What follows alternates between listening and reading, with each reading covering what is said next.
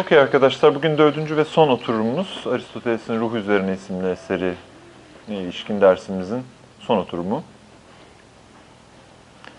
Ee, malzemenin çok azını kapsayabildik ama çok önemli bir iki pasajı birlikte okuduk ve e, geçen hafta ve önceki hafta e, konu sanki sizin için açıklığa kavuştu izlenimi edindim ben.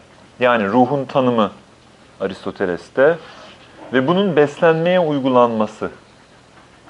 İki hafta önce ruhun tanımını yaptık ikinci kitabın birinci bölümünde. Ruh bir e, kemale evvel, bir ilk yetkinlik. Neden bir ilk yetkinlik? İlk yetkinlik ne demek? Yetkinlik ne demek? Bu meseleyi e, iki oturum önce konuşmuştuk. Geçen oturumda nispeten az kişi vardı ama galiba videolardan zaten takip edebiliyorsunuz. Bu ruh tanımının beslenme yetisine nasıl uygulandığı. Yani bütün canlılar besleniyor, ay altındaki bütün canlılar besleniyor. Bunun ilk yetkinlikle ne alakası var? Bunun madde form meselesiyle ne alakası var? Kuvve fiil ayrımıyla ne alakası var? Yani son iki haftada az e, metnin e, az bir kısmını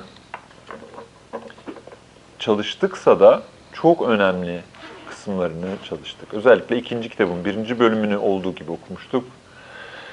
İkinci kitabın galiba e, dördüncü bölümünü geçen hafta okuduk. Çok e, değerli, çok zevkli bir e, bölümdü.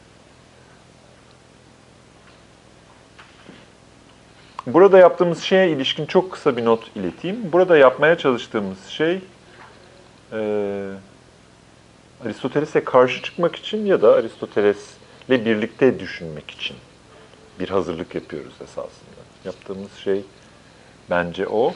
Daha önce konuştuğum gibi esas meselemiz konu. Konumuz e, konumuz da canlılık temelde. Aristoteles'in öğretisini o konuyu ışık tutması, o konuyu yansıtması için kullanıyoruz esasında. Yani Aristo bizim için bir amaç değil, bir araç her şeye rağmen. Metinde e, o öğretiyi bizim bugün, e, o öğretiye erişimimiz için bir araç. Dolayısıyla esas meselemiz konu, bunu şunun için söylüyorum. E, Aristo'ya karşı çıkıp çıkmamakla ilgili benim hiçbir şeyim yok, hiçbir pozisyonum yok burada. Ama e, karşı çıkılan şeyin ne olduğunu anlamanızı e, sağlamaya çalışıyorum. Maalesef eğer geçtiğimiz haftalarda gelmediyseniz ya da videoları izlemediyseniz ve o içerikleri an, anlamadıysanız ya da anladım ama geçen haftadan beri unuttum diyorsanız bugün işiniz daha da zor olacak. Birazcık hatırlatmaya çalışayım. Aristoteles e, ruhun bedene kıyasla forma denk düştüğünü söylüyordu. Maddeden ziyade forma denk düştüğünü söylüyordu. Ama formun form yeterli bir kavram değildi. Maddeden ziyade forma yakın gibi duran ruh aynı zamanda kuvveden ziyade fiile yakın diyordu. Güçten ziyade bir yetkinlikmiş ruh. Peki Yetkinliğin iki anlamı olduğunu söyledi Aristoteles ve e, kilit fikir oydu zaten. Yetkinlik tek anlamlı bir sözcük değil Aristoteles'e göre. O iki anlamından hangisine denk düştüğünü sorguluyor ve ona bir yanıt veriyordu Aristoteles.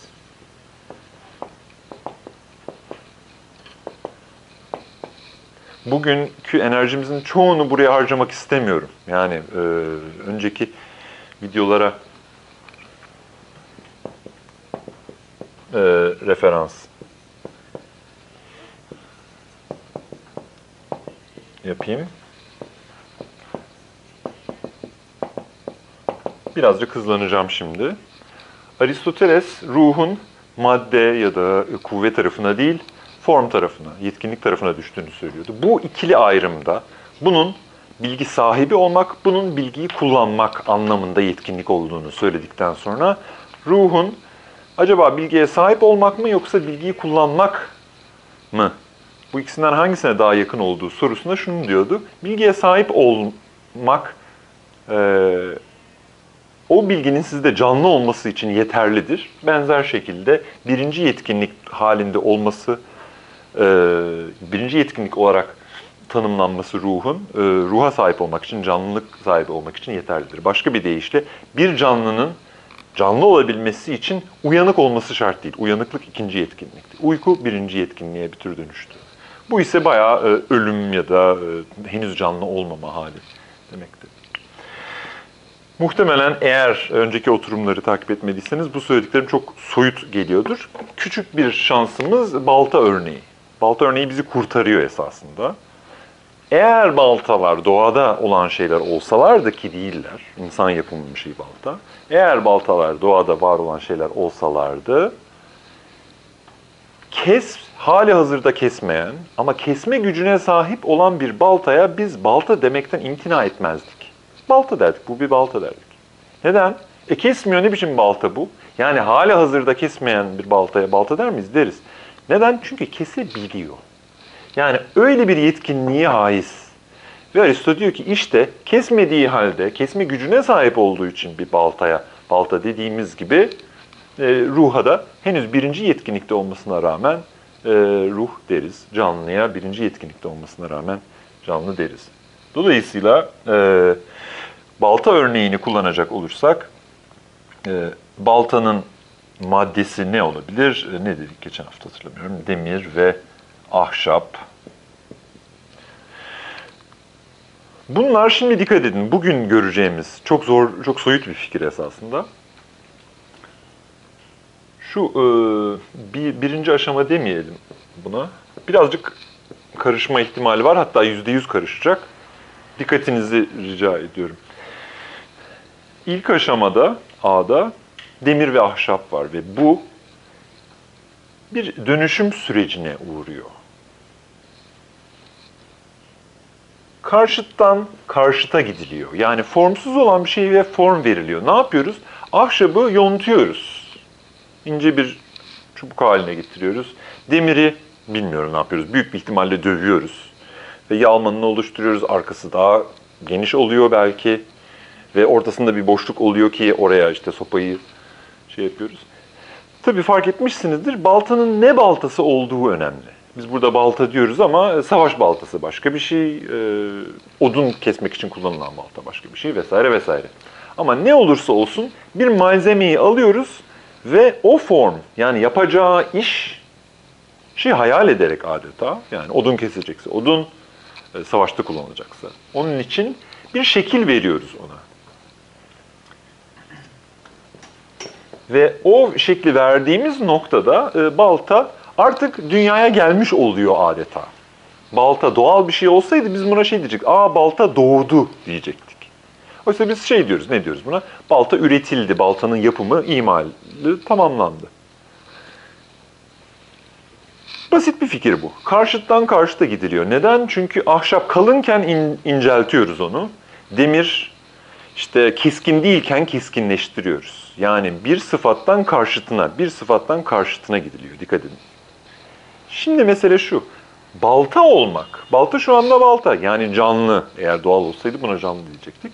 Ama bunun bütün hayatı esasında kendi ötesindeki bir şey. Yani kesmekte olan balta. Kesmek yani esasında onun hayatı. Burada baltayı balta yapan şey kesebilmek. Ama kesebilmenin bütün esprisi tabii ki kendisini kesmekte gösterecek. Çat çat diye e, odunları kırıyor şu noktada. Burada kırmıyordu. Burada hazırdı. O yüzden ben buna ruh hazırlıktır demeyi seviyorum. Ne anlamda hazırlıktır? Artık hazırlanmış halde malzemesine kıyasla ama bir şeye de hazır aynı zamanda. Yani hem geçmişe adeta bakıyor hem geleceğe bakıyor gibi. Ve bu ikiliği, bu aradalığı yakaladığınız zaman doğal bir şeyden söz ediyorsanız artık canlı bir şey karşınızdadır. Buna organikliğin buraya nasıl denk düştüğünü de biraz söz etmiştik. Ee, bu malzemeye belli bir biçim verildiği zaman o biçim içerisi, o biçimi almış olan malzemenin bütün noktaları arasında bir e, anlamlı bir iletişim başlıyor adeta. Balta örneği üzerinden düşünürseniz, demirin ağırlığı ile e, işte sapının uzunluğu ya da kalınlığı arasında bir bir bir e, ortak bir ölçü, bir mantık olmalı. Başka bir deyişle o sap ve o yalman ve e, bütün o dizayn esasında düşündüğünüzde e, bütün parçalar birbirinin organı adeta. Nasıl benim işte dirseğimle kolum, kolumla bileğim arasında bir manalı ilişkiler varsa, balta gibi basit sayılabilecek bir alette bile esasında düşündüğünüzde çok manalı bir dizayn var. Nedir o dizayn? Kabzası şöyle olmalı. Fazla kalın olursa ben onu tutamam. Fazla kalın olursa kesmeye çalıştığımda elimden kaçar ve kesme işlemini gerçekleştirmez. Bu ne demek? Oradaki e, kalınlığı ya da e, demirin ağırlığı bile manalı. Yani bir tür organik bir ilişki, organik bir bütün oluşturuyor e, balta. Ama bu organik bütün e, şey demek değil. Her an kesmek zorunda olduğu anlamına gelmiyor.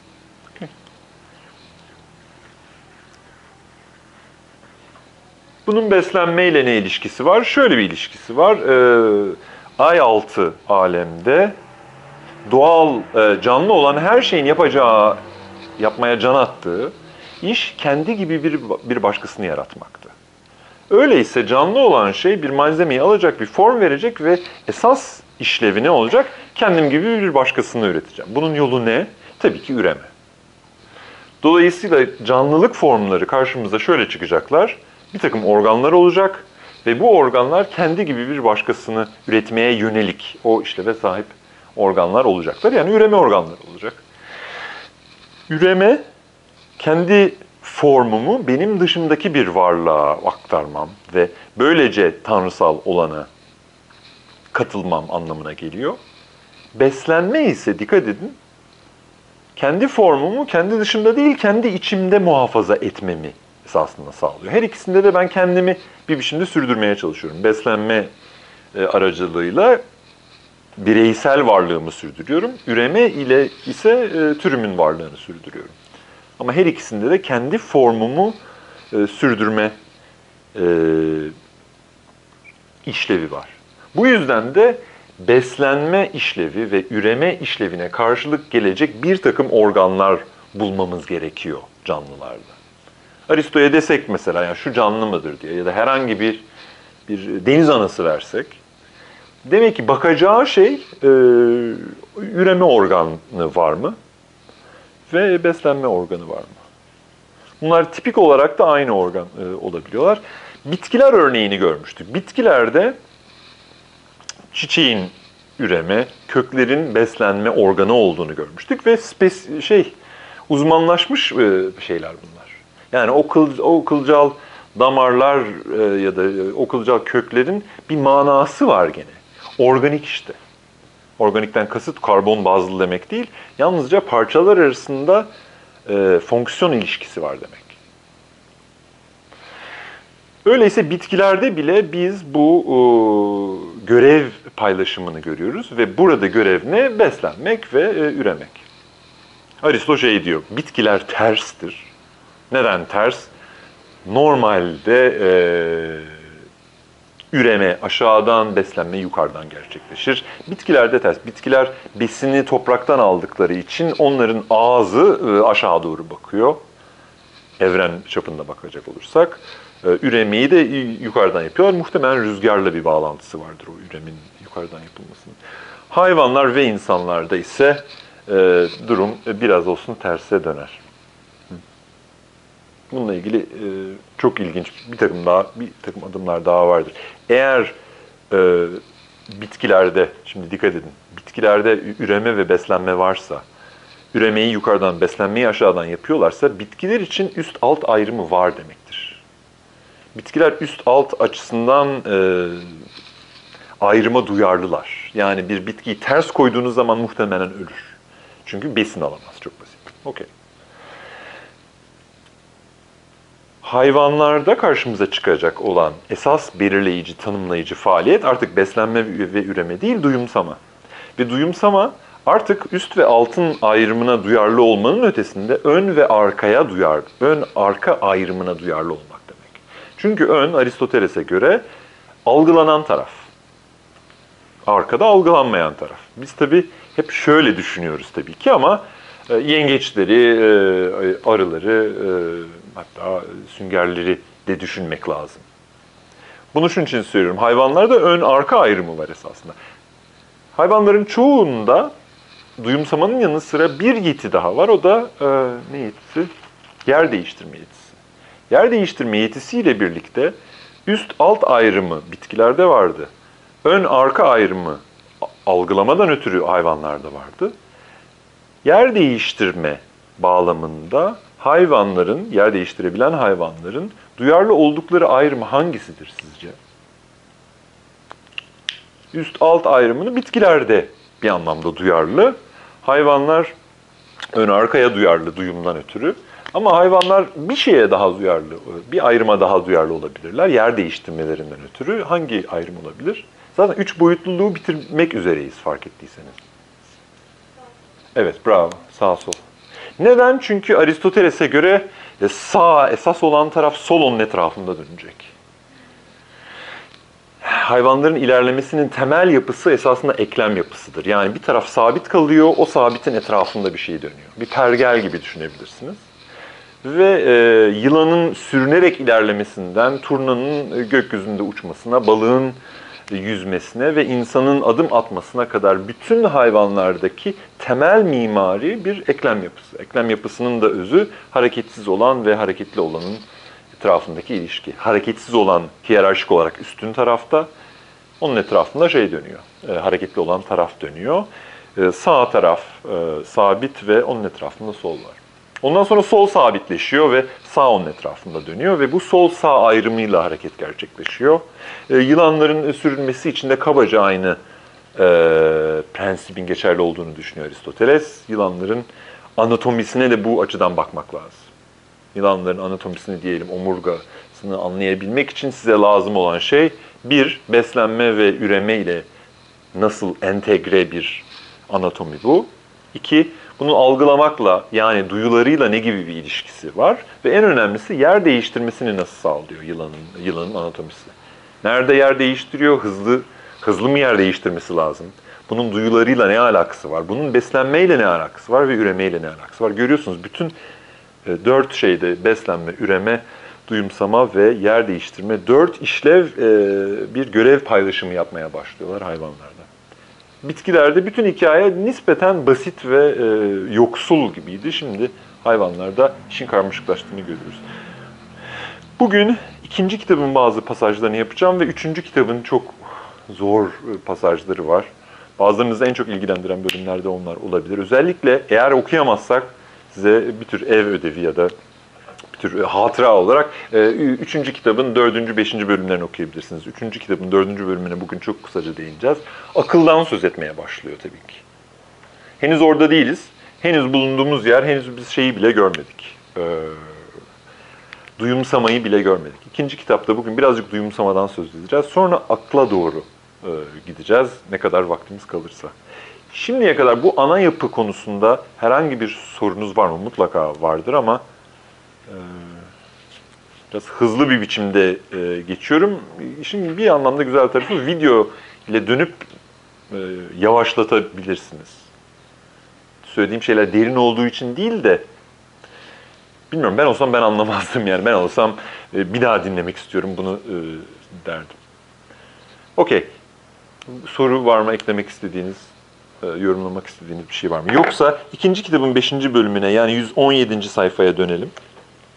Ve şunu göreceğiz. Ruhun tanımını gördük. Ruhun tanımı bağlamında burada bir arkadaş vardı. Bu hafta yok. Bu e, beslenmenin nasıl çalıştığı e, konusunda hakikaten bir meseleyi çok iyi anlamıştı. Neydi adı? Arka... O... E, Bilal'di galiba. Bunun madde, bunun kabaca biçim olduğu. Ama bu da biçim esasında dedi ki e, bir hayvan bir bitkiyi yediği zaman ya da biz bir hayvanı yediğimiz zaman ne oluyor bütün bu yapıya göre?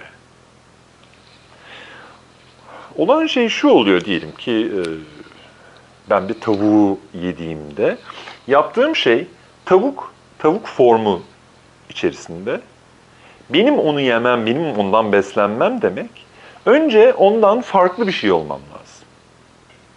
Yoksa kendi kendimi yerim esasında. O da normal bir beslenme değildir Aristoteles'e göre. O yüzden midenizde bazı asitler var büyük bir ihtimalle. Kendi kendinizi yememeniz için. Benim dışımdaki bir şeyi yiyor olmam lazım. Peki tavuk benden neden farklı bir şey? E biçimi zaten farklı, maddesi de farklı. Ne yapıyorum ben tavuğu yediğim zaman? Önce biçimini parçalıyorum. Yani onu tavukluktan çıkarıyorum. Öldürmem lazım onu. Eğer öldürmezsem tavuğu benim içimde canlılığını sürdürecek işte ona beslenme demiyoruz. Ona beslenmeme, sindirememe diyoruz. Onu haz hazmedememe diyoruz. Yani yediğim şeyin, beslendiğim şeyin biçimini parçalayıp maddesini almam lazım ve o maddeyle kendi o maddeyi kendi biçimime entegre etmem lazım. Yani daha önce tavuk olmuş olan madde şu anda bende insan haline dönüşmüş. Başka bir deyişle daha önce farklı, karşıt olan iki şey sindirim sürecinin sonunda aynı hale geliyor. Eğer gelmezse sindirim gerçekleşmiş sayılamıyor. Buyurun sizin bir sorunuz var. Tabii ki. Aynen öyle. Buradan buraya düşürüyorum ee, tavuğu. Aynen öyle. Ve buradan alıyorum e, sindirim e, sırasında kendi biçimime entegre ediyorum. Yani buraya geri dönmemiz lazım. Eğer burada kalırsa dediğim gibi kendi biçimini ben yok edemezsem sindiremiyorum demektir. O zaman karnım ağrır zaten. O zaman karnım şey der. Benim içimde bir şey var ayrı eve çıkmak istiyor der ve işte o sindirememenin zaten tanımı. Sindirme şey demek başkaydı şimdi aynı asimile etmek demek. Ben kendime dönüştürdüm olanı. Şimdi göreceksiniz. Ne dedim? Beslenme ben olmayanı ben haline getirmenin biçimlerinden bir tanesi. Hangi yolla bunu yapıyor? Karşımdakinin biçimini yok ediyorum. Onun maddesini kendi biçimime entegre ediyorum. Kan haline geliyor, et haline geliyor, saç haline geliyor, düşünce, konuşma haline geliyor. Daha önce tavuk olan şey. Peki. Tavuğun e, diyelim ki e, kendi besinine yaptığı şey de aynı. Hiçbir farkı yok. Tavuk olmayanı tavuk haline getiriyor esasında. Okey. Peki. Beslenme, biçimi parçalayıp maddeyi alma ve onu da onu kendi biçimine entegre etmek demek. Dikkat edin şimdi. Duyumsama bunun tam tersi aslında. Maddeyi bırakıp yalnızca formu alma. Anahtar bu. Bunu e, ikinci kitabın 12. bölümünde en açıkça göreceğiz. Şeye benzetiyor bunu, bir e, damgaya benzetiyor, bal mumuna basılmış bir damga. Diyor ki damganın kendisi bronzdan ya da altından olabilir. Fark etmez. Damganın e, formu önemli. Yani bal mumu e, damganın maddesini almıyor, yalnızca formunu alıyor. İşte algı da böyledir. Ve bu anlamda beslenmenin tam tersi. Beslenme ne yapıyordu? Formu almıyor. Formu dışarıda bırakıyor, yok ediyor ya da. Ve yalnızca maddeyi alıyordu ve kendi formuna entegre ediyordu. İşte duyumsama yani bitkilerin yapamadığı, hayvanların yapabildiği bu şey maddeyi almaksızın formu almak. Aslında temel şey bu. Hocam beslenmede kendi biçimimize entegre etmek dediniz ya. Yani onu alıyorum, o bende kan oluyor falan. Bu nasıl biçim o? Benim biçimim kan falan değil ki yani. Madde yapı değil ki. Doğru ama gene de insan kanı haline döndürmek durumundasınız. Diyelim ki sıfır RH pozitifsiniz. Ee, bir biçimde e, sizin bir parçanız olmalı. Maddeme. Ama o maddeniz herhangi bir madde değil. Kan bile esasında belli bir form taşıyan bir madde. Yani gene de toprak, hava, ateş, su değil. Anlatabiliyor muyum? Ee, ve kaldı ki çok da fark etmez. Hem kanınıza dönüştüğü gibi aynı zamanda karaciğerinize ya da derinize de dönüşüyor olabilir. Ve her türlü bir insanın parçası haline geliyor. Tabii küçük bir insan haline gelmiyor, o doğru. Ama bir insanın parçası haline geliyor bir insanın eli haline geliyor. Daha önce e, ne bileyim ben e, gıt gıt gıdak, gıdıklayan bir şey, gıdaklayan bir şey. Onu onun, ondan tamamen e, onu tamamen kaybedip bambaşka şeyler yapıyor. Ne gibi şeyler yapıyor? İnsanın yapabildiği şeyler yapıyor. Başka bir deyişle aldığım şey, diyelim ki su içiyorum. Şimdi su ilginç çünkü suyun bir anlamda formu yok. Dolayısıyla parçalanacak bir şey yok. Bu da ilginç. Demek ki bitkiler büyük ölçüde bunu yapıyorlar herhalde. Suyu aldığımda suyun zaten bir biçimi yok. Suyu alıyorum, su olarak duruyor içimde. Aristo diyor ki su sizin içinizde su olarak duruyorsa henüz suyu sindirmemişsiniz demektir. Guluk guluk guluk diye hareket ediyorsa içinizde değil işte bu olmadı. Ya da bir şey yiyorsunuz taş gibi duruyor orada. E işte beslenmemek demek bu henüz. Anlatabiliyor muyum? Ve oradaki dönüştürme ne? Suya ne yapıyor? Ee, Ne bileyim ben sihirli bir şey mi yapıyor? Onu Aristoteles anlatamıyor. Yani bu meta bir maddeyi alıp nasıl oluyor da kana dönüştürüyor oradaki suyu? Ya da oradaki tavuğu nedir o parçalayan ve onu yeniden insan e, yapısına entegre eden şeyi bilmiyor. Ama sonuçlarına bakarak diyor ki ne olursa olsun burada büyük bir dönüşüm olmuş olmalı. Orada su olan şey artık suyun dışındaki bir şey. Et, kan, e, göz, kirpik, e, enerji neyse. Daha manevi olarak anladığımız için formu biraz yadırgadım yani. Maddemize entegre oluyormuş gibi geliyor bana.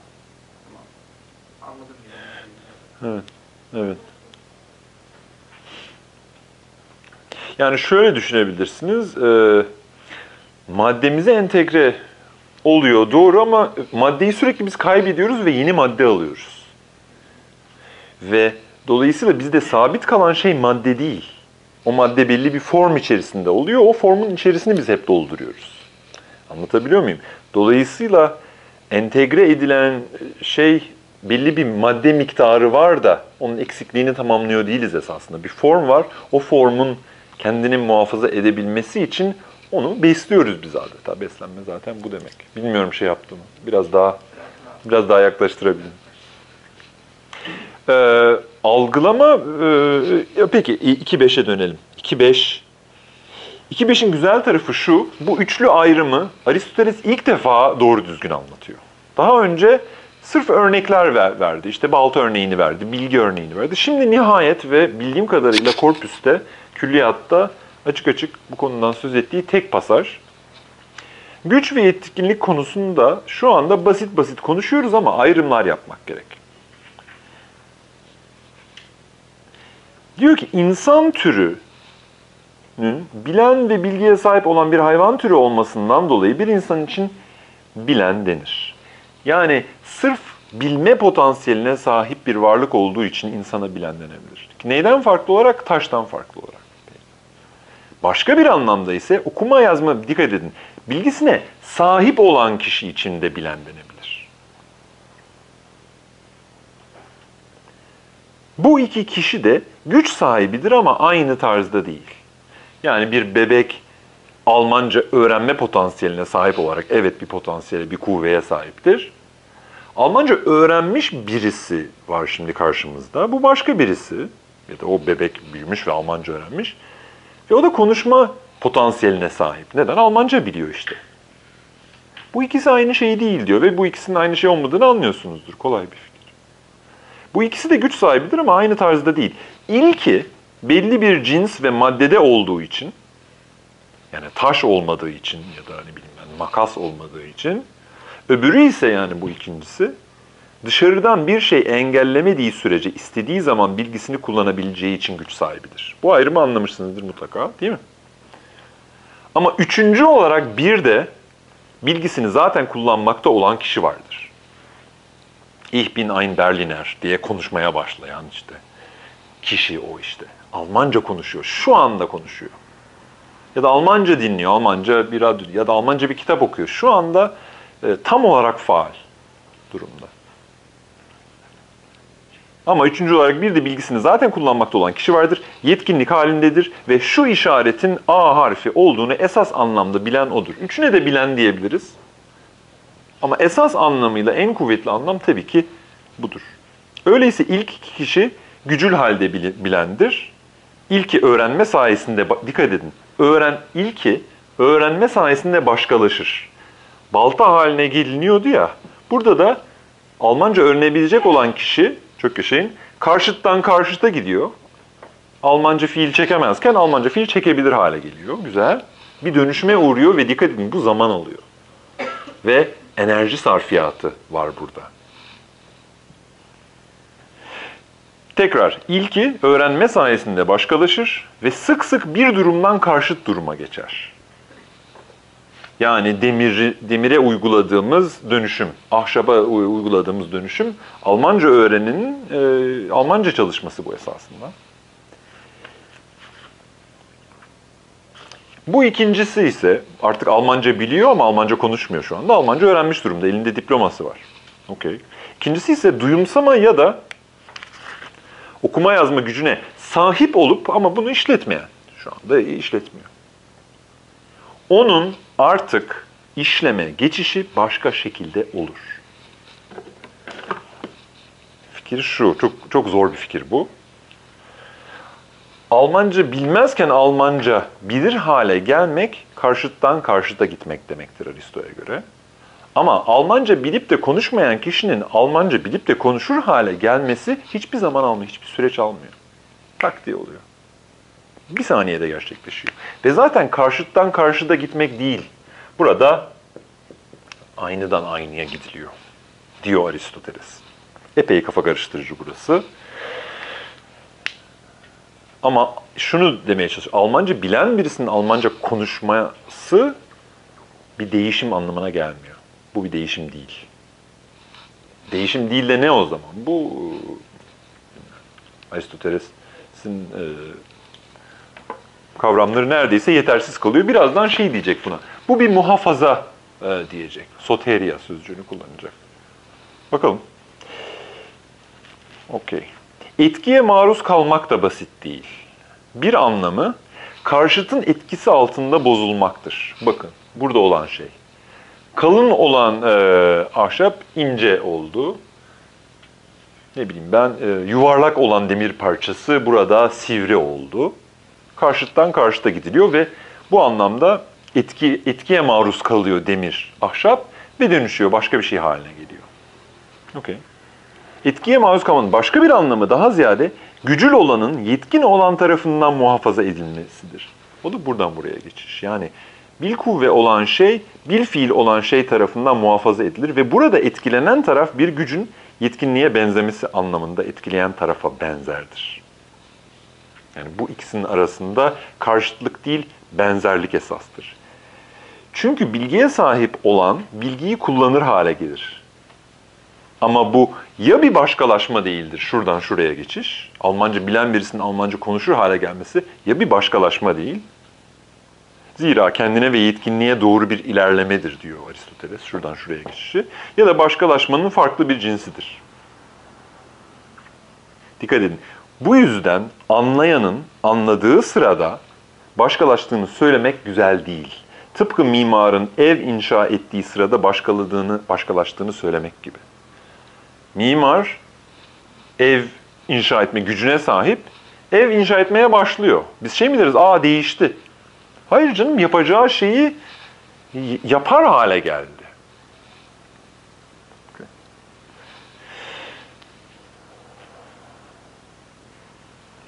Öyleyse akletme ve anlama bakımından gücül halde olanı yetkin hale geçireni öğretim demektense ona türemiş başka bir isim vermek daha doğru olur. Bakın, buradan buraya geçiş bir öğrenim, bir öğrenme hali. Buradan buraya geçiş bir öğrenme hali değil. Almanca bilen birisinin Almanca konuşmaya başlaması için Almanca öğrenmesine gerek yok çünkü Almanca biliyor zaten.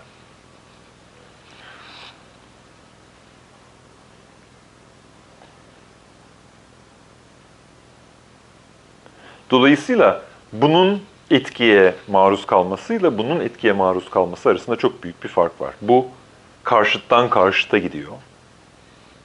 Daha önce olmayan bir şey karşımıza çıkıyor. Bu ise yeni bir varlık ortaya çıkmıyor. Bir başkalaşım gerçekleşmiyor. Var olan bir şey zaten yapabileceği şeyi yapar hale geliyor. Yalnızca bu. Ve bu ikisinin arasındaki fark çok ilginçtir. Çok e, soyut bir konu. Buna ne diyelim? Buna alfa geçişi diyelim. Buna beta geçişi diyelim. Birazcık toparlayacak olursak 3 aşama var, 3 düzey var. Birincisinden ikincisine geçiş, ikincisinden üçüncüsüne geçiş gibi değil. Bu iki geçiş arasında da farklar var. Yani A'dan B'ye geçsin, şimdi de B'den C'ye geç gibi bir durum yok esasında. A'dan B'ye geçişle B'den C'ye geçiş aynı şey değil, çok farklı şeyler. A'dan B'ye geçiş, dediğim gibi karşıttan karşıta bir geçiş. B'den C'ye geçiş ise e, karşıttan karşıta bir geçiş değil Aristo'ya göre.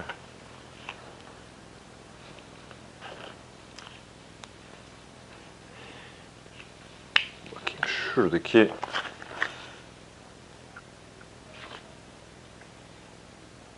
Okey. Biraz hızlı devam edelim çünkü artık duyum konusuna gideceğiz. Duyumsama nedir? Duyumsama için de şunu düşünmenizi e, öneriyorum. Bir çocuk e, rahimde geliştiği süre içerisinde geçirdiği dönüşüm esasında şudur. Henüz canlı değil, canlılığa doğru gidiyor. Ne oluyor? Kimyasal değişimler gerçekleşiyor. Kan yokken kan var haline geliyor diyelim ki. Kalp yokken kalp var haline geliyor. El yokken el var haline geliyor. Sinir sistemi yokken sinir sistemi var haline geliyor. Peki. Bu varlık canlı hale geldikten sonra artık eli var. Teşekkürler. Daha önce soğuktan sıcağa ya da sıcaktan soğuğa olan dönüşümlerin bir benzeri şöyle olabilir. Elimi e, kaloriferin üzerine koydum ve elim ısındı. Soğuktan sıcağa geçti.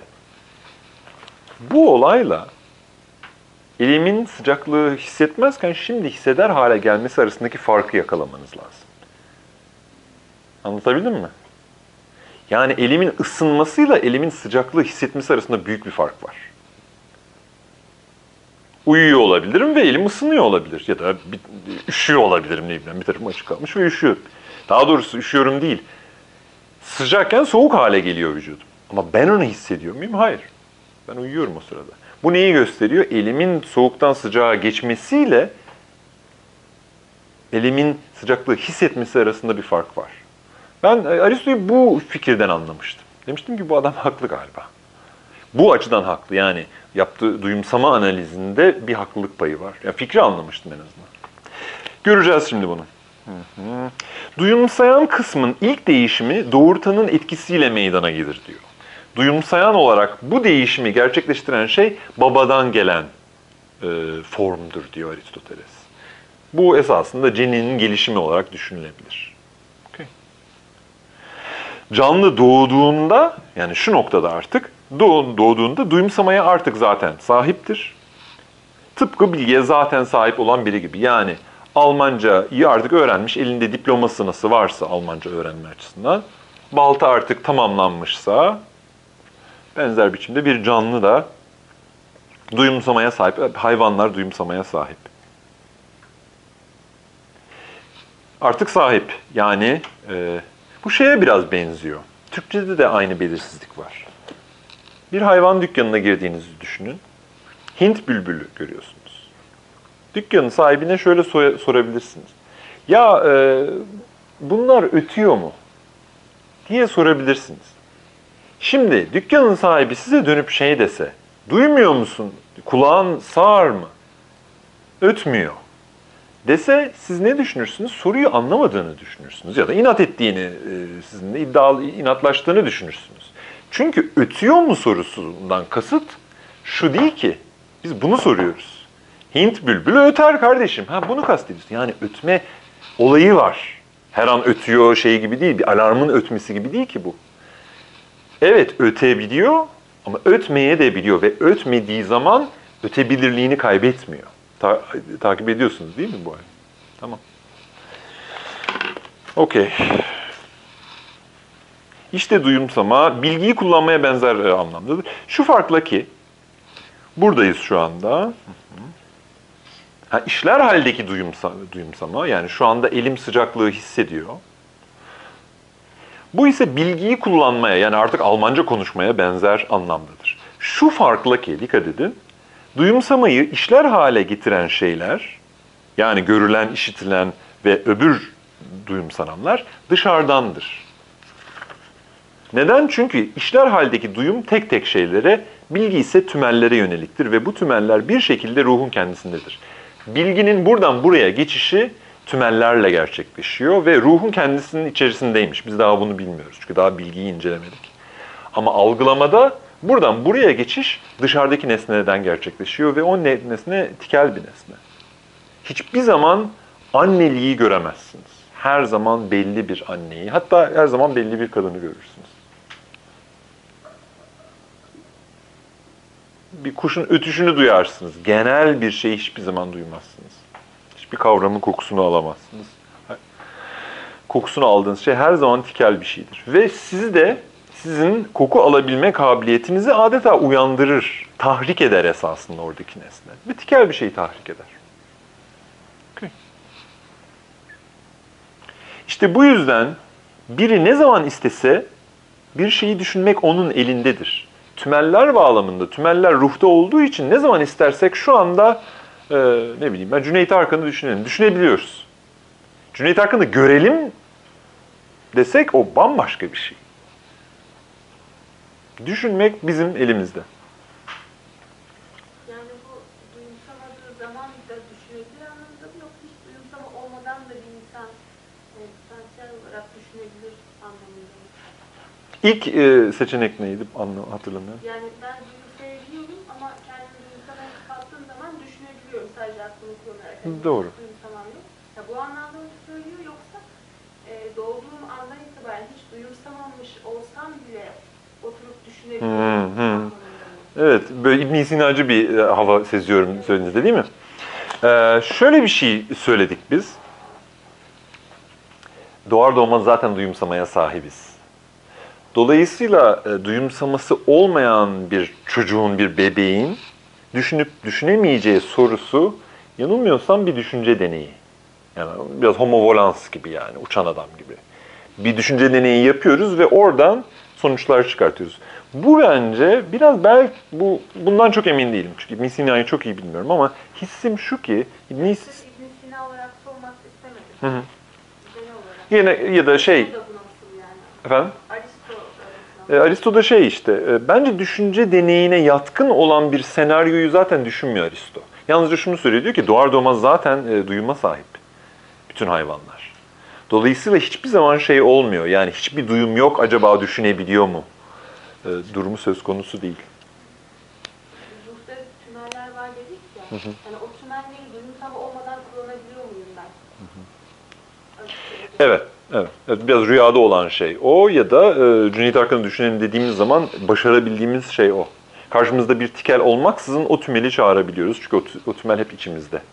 Yani bizi dışarıdan bir şeyin uyandırması gerekmiyor bilgi ve e, akıl durumunda. Ama algılamak için dışarıdan bir şeyin gelip kapınızı çalması lazım. Evet. Mesela Cüneyt Arkın'ı algılamak için, yani onu duyumsayabilmek için algılamamız gerekiyor o tümelin bize ulaşabilmesi için. Tabii, tabii. Ve e, ka- kapısını çalacağımız şey bir tikel olacak her zaman. Yani şimdi bilmem ne kokusunu düşünün, ne bileyim ben lavanta kokusunu e, hayal edebiliriz ama lavanta kokusu burnunuza gelsin diyemeyiz ki. Lavanta lazım onun için. Ve tikel bir lavanta karşımıza çıkacak. Bilgiyle algılama arasında milyonlarca problem var. Sanki hiçbir problem yokmuş gibi konuşuyorum ama e, en azından şunu e, görmüş olduk. E, dışarıdan bir şey gerekiyor duyum. Duyumsama bu anlamda pasif bir şey. Yani dışarıdan bir şey gelecek, kapımızı çalacak. Biz eğer ona hazırlığımızı yapmışsak algılayabileceğiz. Ve dikkat edin şimdi. Geçen hafta şunu görmüştük.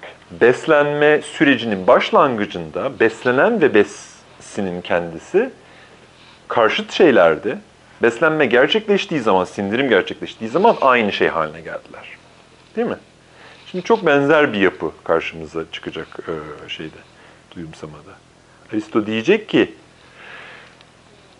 bizi dışarıdan kapımızı çalan şey,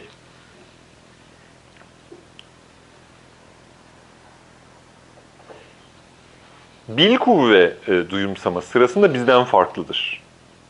Yani renk ve göz birbirinden farklıdır. Ama bil fiil duyumsama gerçekleştiği durumda, anda göz ve renk arasındaki ayrım ortadan kalkmıştır.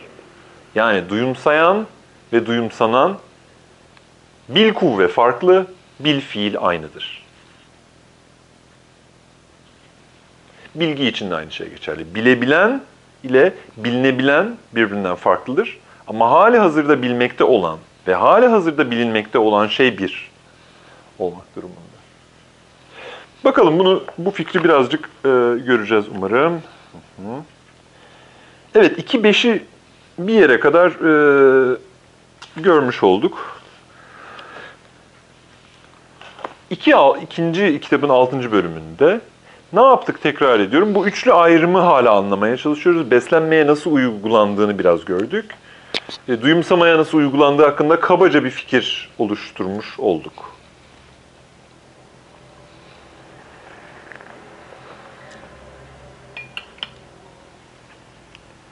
Şimdi giderek daha zorlaşacak. Her şey bayağı daha zorlaşacak. Zaten bence zor olup biten.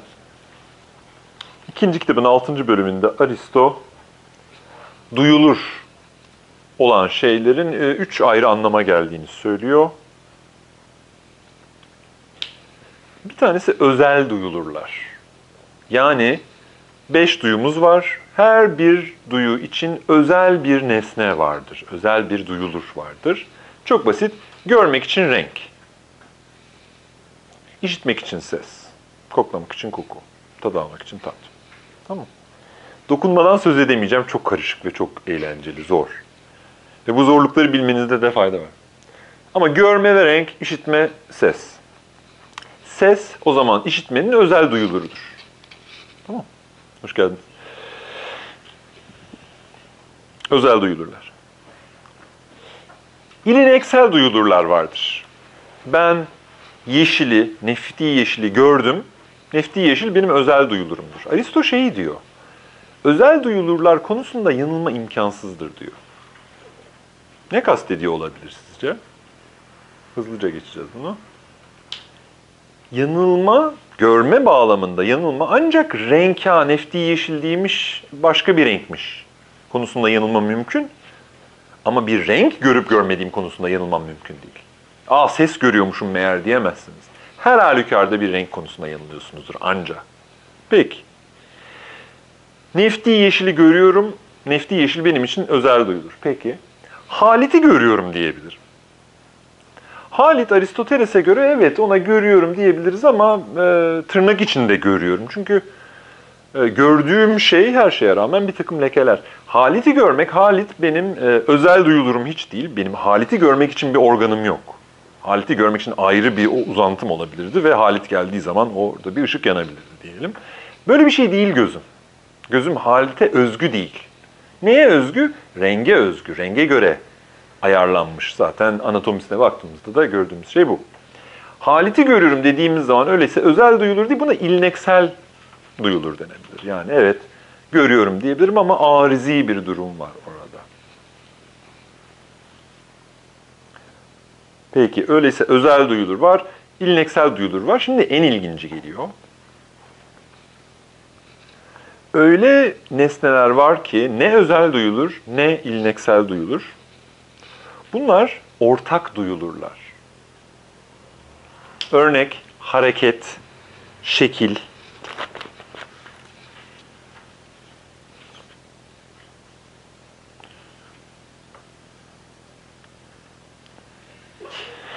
Çok yaşayın.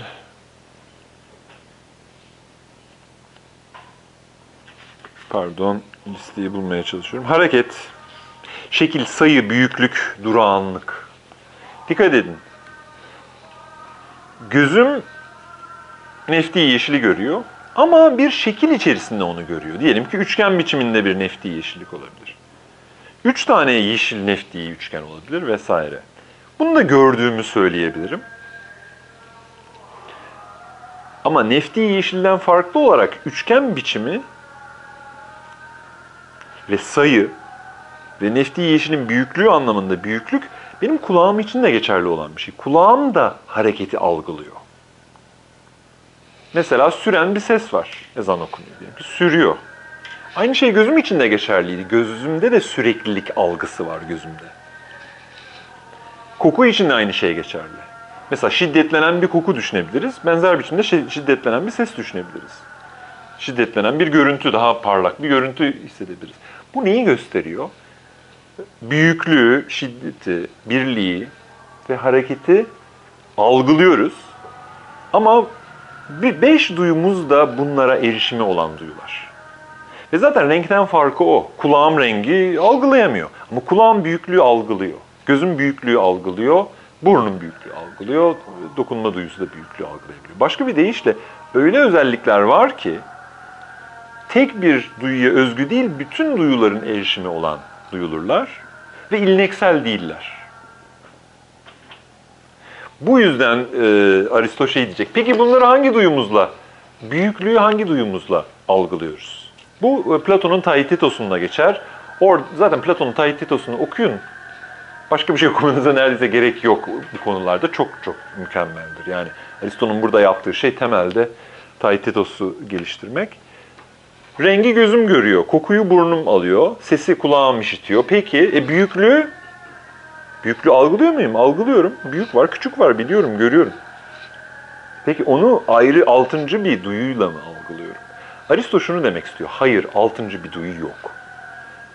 Ve daha da önemlisi şu altıncı bir duyu olsaydı da bir işe yaramazdı. Çünkü beş duyumuzda da hissedebildiğimiz şeyler bunlar.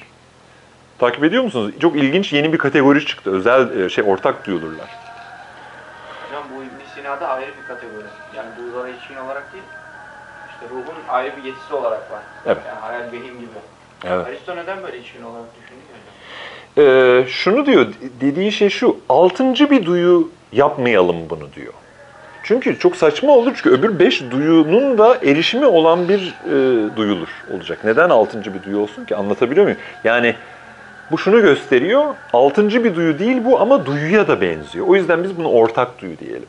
Çünkü beş duyunun birden e, erişimi olan bir Ama nesne bu. düşündüğümüz zaman mesela göz bir boyutunu algılıyor. Ee, kulak bir boyutunu algılıyor. Neyin? Peki yani bunları birleştirirken, diyelim herhangi bir nesneyi birleştirirken sanki ayrı bir yeti olması gerekiyor. Güzel. Yani. Tabii. Yok zaten şu olacak. Şimdi biz ortak duyudan söz ettik. Ne demek ortak duyu? Nefti yeşilden farklı olarak büyüklüğü, birliği, hareketi algılamamı sağlayan şey. Bu, bu ortak duyunun birinci işlevi. İkinci işlevi birazdan göreceğiz. Nefti yeşil olan şeyle hareket eden şeyin ya da şu sesi çıkartan şeyin aynı şey olduğu yargısını vermek için de bir yetiye ihtiyacımız var. Ve onu da buna verecek Aristo. Aristo'da bir sıkıntı şu, ortak duyuya bir sürü işlev veriyor ve birbiriyle alakasız işlevler. Zaten bugün oraya gelecektik. Güzel, konu tamamen oraya gelmiş oldu. Ben memnunum. Yani ya beş duyuyla biz bu işi bitirelim dediğimizde çözemediğimiz problemler var. Bir, beş duyunun hiçbirisine özgü olmayan bir takım şeyleri görebiliyoruz, algılayabiliyoruz. Ne gibi? Büyüklük, hareket vesaire. Ve bunları altıncı bir duyuyla da halletmemiz mümkün değil. Böyle olunca ortak duyu gibi ayrı bir duyu desen değil. Bambaşka bir şey desen tam değil. Zor bir yetiyi ortaya atmak zorunda kalıyor Aristo. Neden? Çünkü e, algıla dikkat edin bu duyumsal hayatımız nefti yeşil, bir ses, bir kokudan oluşmuyor yalnızca. Belli bir şekil altında nefti yeşili görüyorum. Belli bir uzunluk içerisinde o sesi duyuyorum. Ve daha da önemlisi dolayısıyla bir ortak duyuya ihtiyacımız var ve bu ortak duyuyu madem açtık bu kategoriyi başka şeyleri de buna yükleyeceğiz. Ne gibi şeyler? Farklı duyulardan gelen şeylerin birleştirilmesi, ayırt edilmesi diye bir şey var. Onları da tek tek duyulara veremeyiz. Yani göz, gözden gelenle kulaktan geleni birleştiremez ki. Göz kulaktan gelene duyarsız çünkü. Göz yalnızca renk diyor, başka bir şey demiyor. O renkle o kokunun birleştirilmesi nasıl gerçekleşiyor sorusuna Aristo'nun verdiği cevap şu, beş duyuyla da bu iş olmayacak. Başka bir deyişle ortak duyunun birinci işlevi ortak duyulurların algılanması. İkinci işlevi özel duyulurların işlenmesi, birbirleriyle birleştirilmesi. Yani şimdi mesela şu görüntü. Hem işitsel hem sessel bir şey size geldi. Siz bu ikisini birleştirebilmeniz ne gözünüz sayesinde olabilir, ne işitmeniz sayesinde olabilir, ne de koku sayesinde olabilir. Kokuyla hiçbir alakası yok. Bu ne demek? Duyuların ötesine işaretler var diye ben okuyorum burayı. Aristo çok hani bilimsel yaklaşıyor konuya. Ama şunu görüyor ki beş duyuyla anlatamıyoruz yaşadığımız şeyi. Beş duyunun ötesinde bir takım şeyler var. Beş duyuyu koordine eden bir takım yetiler olmalı vesaire. Bir tane daha işlevi var ortak duyunun. Ne dedik? Bir, özel şey ortak duyulurların duyulması. İki, özel duyulurlar arasındaki koordinasyonun gerçekleştirilmesi. Üç, şimdi geliyor öz bilinç. Yani gördüğümü, gördüğümün de farkındayım. Yalnızca nefti yeşilin farkında değilim. Nefti yeşili görüyor olduğumun da farkındayım. Bakın fantastik bir şey. Yani duyu adeta kendi kendine algılıyor. Aristo diyor ki göz nefti yeşili görüyor. Peki göz nefti yeşili gördüğünü görüyor mu? Pek öyleymiş gibi gözükmüyor. Nefti yeşil bir renk. Nefti yeşili görüyor olmak bir renk değil ki. Nasıl görsün göz onu? Bunu, bunu da ortak duyuya veriyor. Yani bence Aristo burada zorlanıyor ve ne diyeceğini bilemiyor esasında. Ve şey diyor, diyebileceğim tek şey beş duyunun ötesinde bir şey var burada. Ve altıncı bir duyu değil bunlar. Takip ediyor musunuz? Bence Aristo, Aristo şu anda ilk defa bir ormana girmiş gibi yani. İnsanlığın o ormana attığı ilk adım. Ve ne yapacağını hiç bilmiyor. Bir tek Taitetos bu olaya el atılmış. Platon'da sanki bu e, duyular, bu, bu daha doğrusu konular, bu yetiler e, direkt düşünmeye ve bilmeye e, atfediliyormuş gibi duruyor. Aristo'da şu anda biz bilmeye doğru gidiyoruz ama çok çocuksu adımlar atıyoruz. En basit şeyleri soruyoruz. Ve şunu fark ediyoruz, beş duyuyla biz bu işi bitiremiyoruz. Beş duyuyla işler bitmiş olsaydı ikinci kitapta zaten kitap sona ererdi. Üçüncü kitaba girdiğimiz anda Aristo şunu göstermeye çalışıyor. Bir, altıncı bir duyu yoktur. İki, öyle yetilerimiz var ki beş duyuyla da altıncı bir duyuyla da açıklanmaları imkansız. Ve yavaş yavaş bu bizi düşünmeye doğru getirecek. Bunlar muhtemelen hayvanların bence çoğunda var. Ya da farkındalık. İşte o farkındalık, demin söylediğimiz şey ne kadar var bilmiyorum.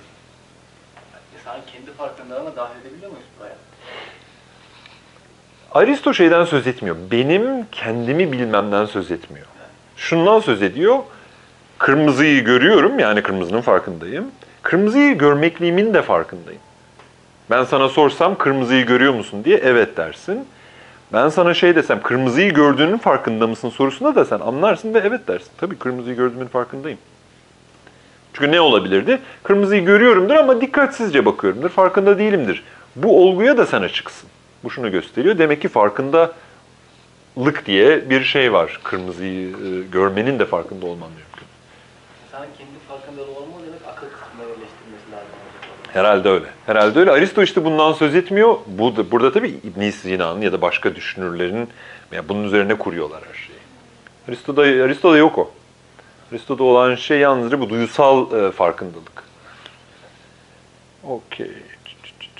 Güzel. Güzel. E, zorca bir konu. Buyurun buyurun. Beş duyunun olmadığını varsayarsak. Beş, beş, beş duyunun bağımsız bir ortak duyudan söz edebilir miyiz Aristo'da? Hı hı. Beş Yok. duyudan bağımsız bir Hı. ortak söz edebilir miyiz? Nasıl olabilir ki? Evet yani gene bir düşünce deneyi yapıyorsunuz arkadaşınızın sorusu gibi. Aristo bunu yapmıyor. Bu esasında Aristo'nun felsefesi için güzel bir nokta. Bilim, bilimsel bir soru değil belki ama. Hı. Şey olarak. Bir evet farz edersek ne, neyi farz edeceğiz? Beş duyunun olmadığını farz edeceğiz. Ortak duyu olabilir mi? Sanırım hayır. Bakayım. Dur bakayım. Yani şöyle diyeyim size. Hareketi düşünebiliriz. Mesela hareketi tanımlayabiliriz. Aristo fizikte hareketi tanımlıyor. Ama evet o akılla yaptığımız bir şey. Hareketle kurduğumuz ilişki e, akli bir ilişki, kavramsal bir ilişki.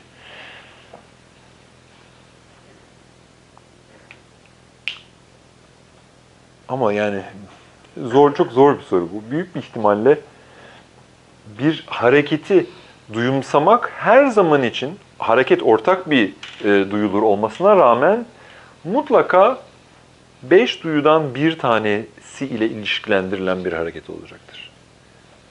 Yani bir değişim düşünelim ya da bir hareket düşünelim. Bir sesin şiddetlenmesi. İlla ki beş duyudan birine gitmemiz lazım. Ama bu şu demek değil.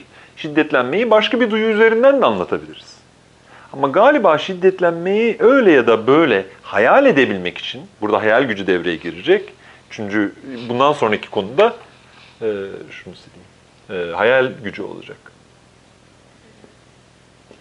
Ve ortak duyudan da farklı bir şeymiş gibi konuşacak Aristo.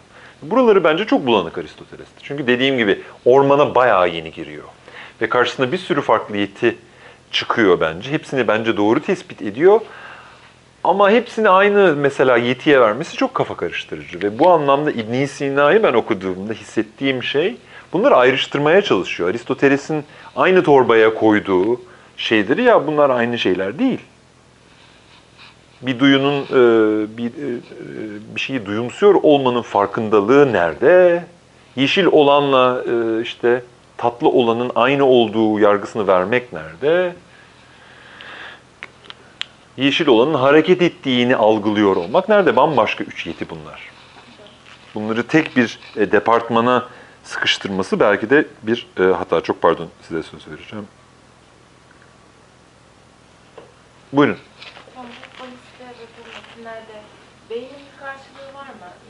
Mesela bu beyinle duyu arasındaki ilişki modern bir ilişki olduğu için şu an aklıma geliyor bilmiyorum ama e, böyle bir şey var mı? Yani beyni ilişkilendirme, beyin, yani mesela zihin kullanılıyor felsefede ama beyin organ olarak Ee, ya, öyle bir soru sordunuz ki il- ya şöyle bir mesele var.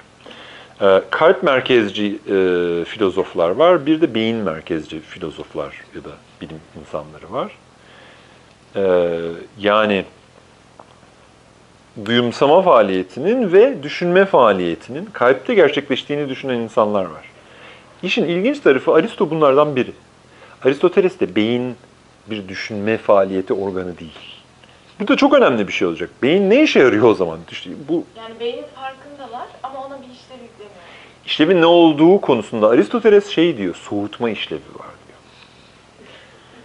Neyi diyor. Su- yani ya şey e, sıcak gelmiş bilmiyorum. Ama kalple görüyoruz o anlamda. Vücudumuzun ortasıyla düşünüyormuşuz gibi duruyor Aristoteles'te. Çok fantastik bir şey esasında. İnsana özgü konuşmuyor. Bunu hayvanlar bağlamında konuşuyor ve hayvanlarda e, şunu söylemeye çalışıyor. Diyor ki e, bütün duyuların toplandığı yer herhalde kalp olmalı çünkü işte her yere yakın. E, işte en emniyetli vesaire gibi şeyler söylüyor. Yani beyin beyinci değil o anlamda. Beyin merkezci değil. Platon e, Timaios'ta beyin merkezci bir e, anatomi ortaya atıyor ve dolayısıyla Pla- Platon'daki beyin merkezcilikle Aristo'nun kalp merkezciliği arasında bir gerilim var ve bu ışık açısından İbn Sina'ya bakmak çok ilginç. Çünkü Galen'le birlikte, Galien'le birlikte şu anlaşılıyor ki yani Aristo yani e, saygısızlık etmek istemeyiz Aristo'ya ama e, şey e, duyuların beyinle bir alakası var. Beyinde hatta bölgelerden söz ediyor Galien ilk defa ve tabii İbn Sina buradan oluyor. Öyle mi? Kimler? Şey e, Galien mi? Yok, e, meşayih filozoflar yapıyorlar. Olabilir. Olabilir. Yani mesela ortak duyunun öz- bir özelliği hani bu idrakleri birleştirmek diye hocam. Ona bir hissi müşterek diyorlar ve Evet. bu, beynin bu ön lobunda olduğunu. Evet yer veriyorlar. Ben de İbn Sina'yı okurken hiç Aristo'da olmayan şey buydu. Yerler, aynı bugün düşündüğümüz gibi biz- bugünkü nörolojiye o yüzden çok benziyor. Bugün işte hafıza merkezi, işte koku merkezi falan diye. Aristo için böyle bir şey yok. Hatta Aristo şey diyecek yani. Neyse. Ee, uzun lafın kısası beyin merkezci değil ve beynin işlevi Aristoteles'te düşünme, algıları toplama, sinir sisteminin başı olma falan değil. Soğutma gibi hiç düşünemeyeceğimiz Evet, tuhaf bir... şey daha bir- söyleyebilirim. Bu kalp, Türkçe tercüme için şu an kullanıyorsunuz. Kalbin orijinal karşılığı ne orada? Ya bu konuda Kardi. kavram kargaşası var ya İslami literatürde o yüzden. Hmm. Onu Onu ben bilmiyordum. Ee, yani İslam literatürdeki kargaşa neyden kaynaklanıyor? Yani şöyle, akıl kalp karşıtlığı diye bir şey var. Yani beyin organ olarak geçmiyor Hı da. hı. Ee, yani modern dönemdekinde de bile, yani mesela şimdi diyelim böyle bir akıl kalp karşıtlığı var ya. Biz bunu mesela reddettik burada. Klasik teoride böyle bir şey yok. Kalp tam gelişmiş akıl için kullanılıyor literatürde. Bir organ atıf yapılmıyor. O yüzden Hmm.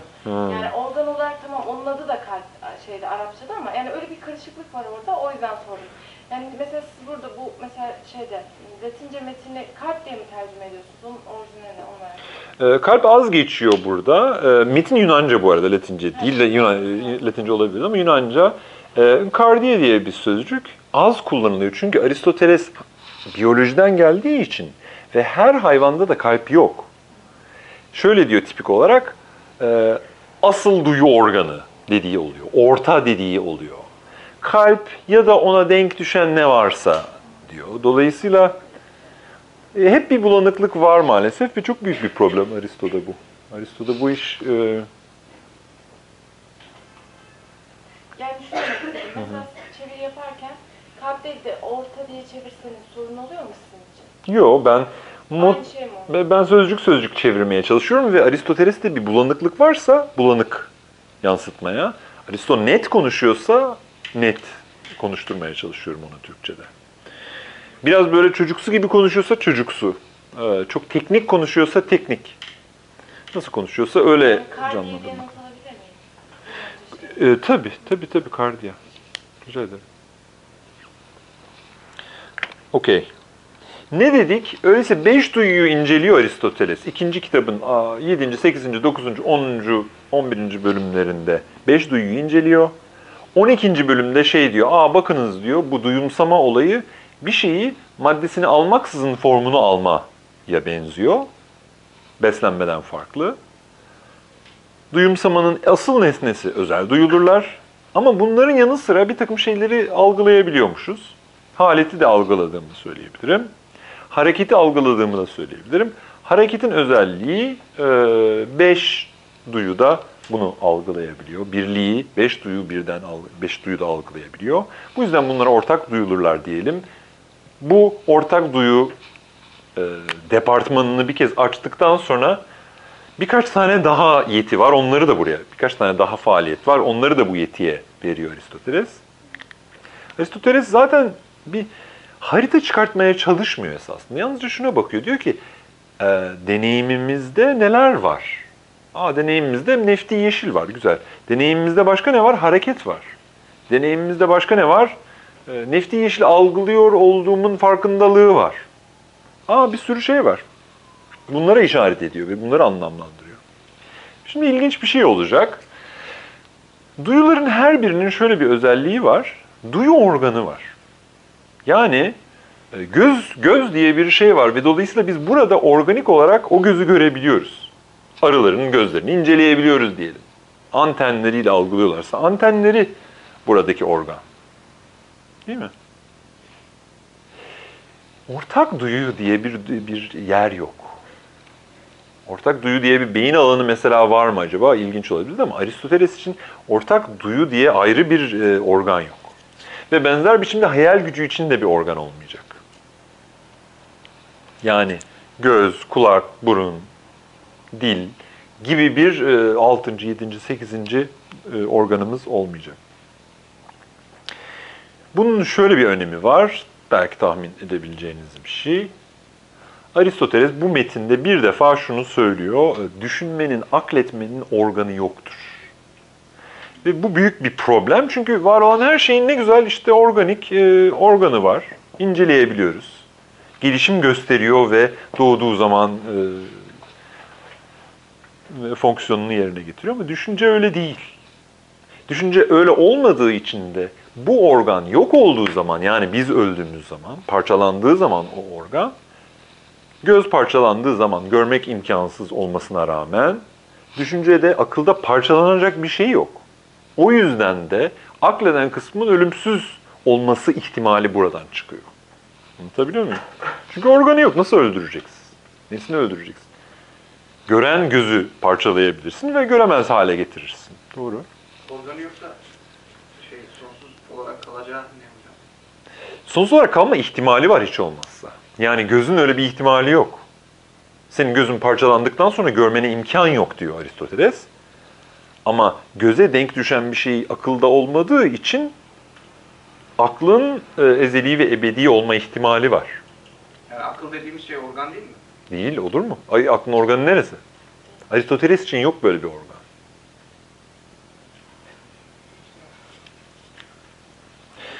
Devam edelim. Yani bu, bu şeyi biraz daha yakından göreceğiz.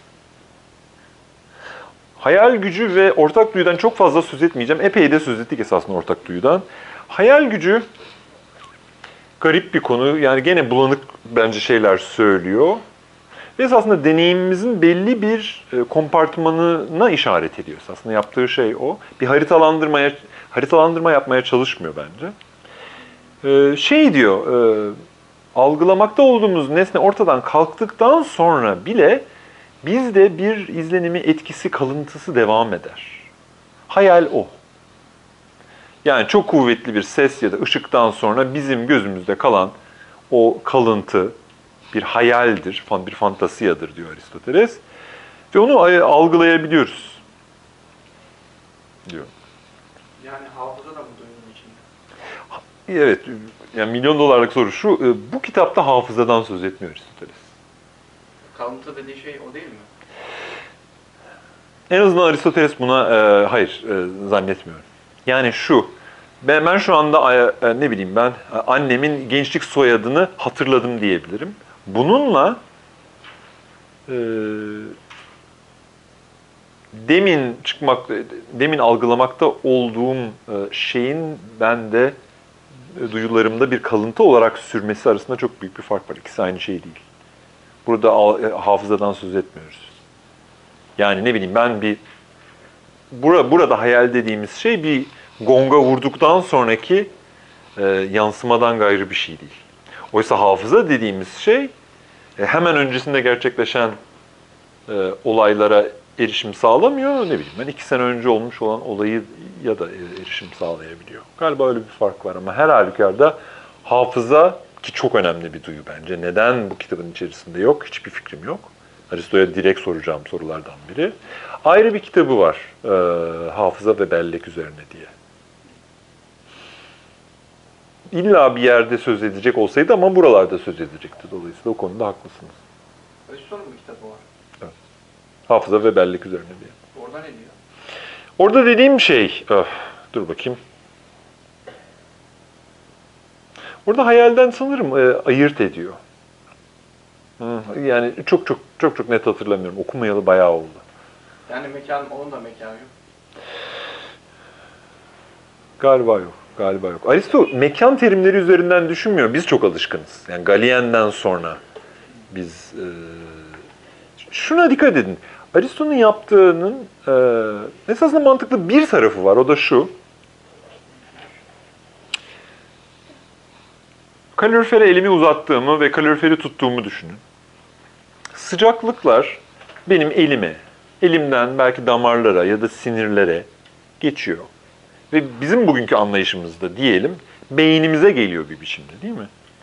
Orada sinirler devam ediyor. Bir takım eşiklerden belki geçiyor. Ve elektrokimyasal bir takım e, tepkimeler oluyor. Ve fikir şu.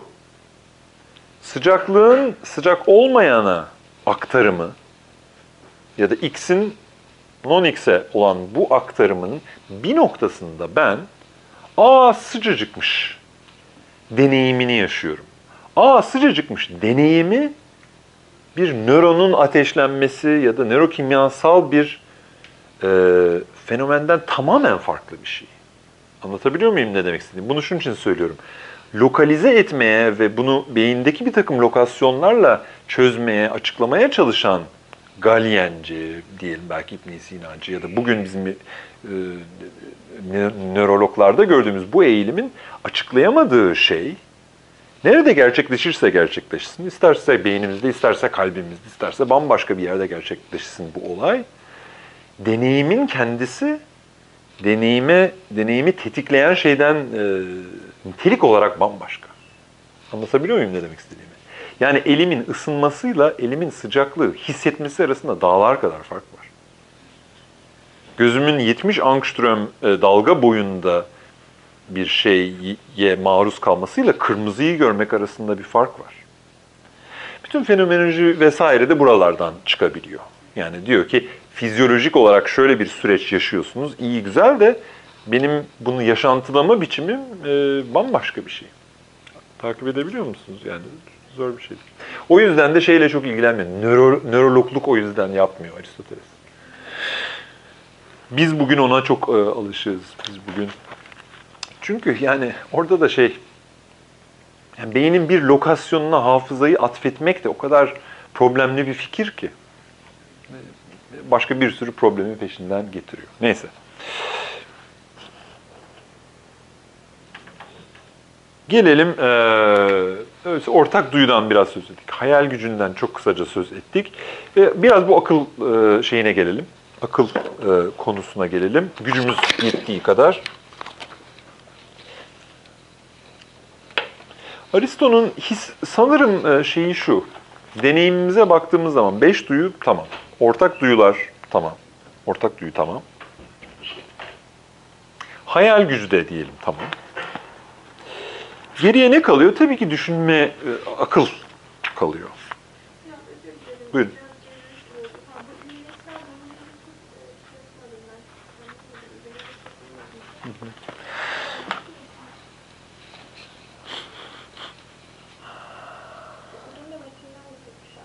Evet. Evet. Yunancasından da çok fazla bir şey anlaşılmıyor. Yalnızca şeyi anlıyorum. Neden ilneksel olduğunu anlıyorum.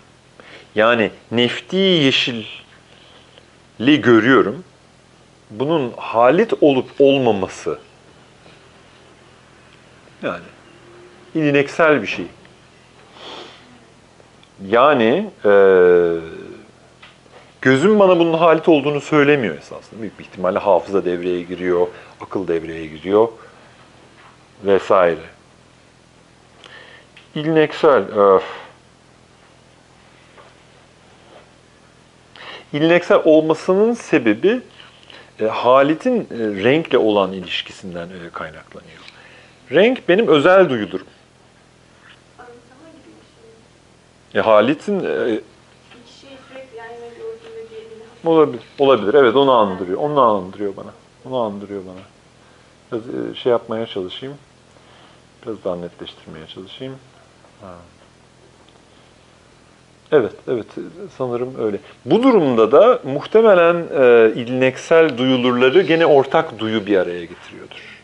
Yani benim haliti halit olarak tanımamı sağlayan şey yalnızca gözüm olamaz. Çünkü gözümün gördüğü şey özel duyulurlar olarak bakacak olursanız bir takım renkler dediğiniz bağdaştırmalardan ötürü o renklere halitin denk düştüğünü e, ben söylüyorum. Ve onu da ortak duyu yapıyor büyük bir ihtimalle.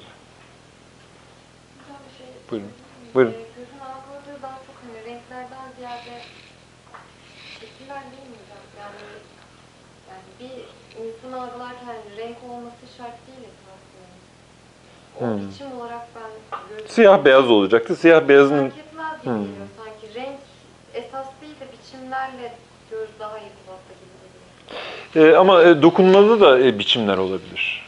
Diyelim ki eğer biçimden aldığınız şey kare ise ya da çizgisellikse mesela dokunarak e, çizgiselliğe ulaşabiliyoruz mesela denebilir.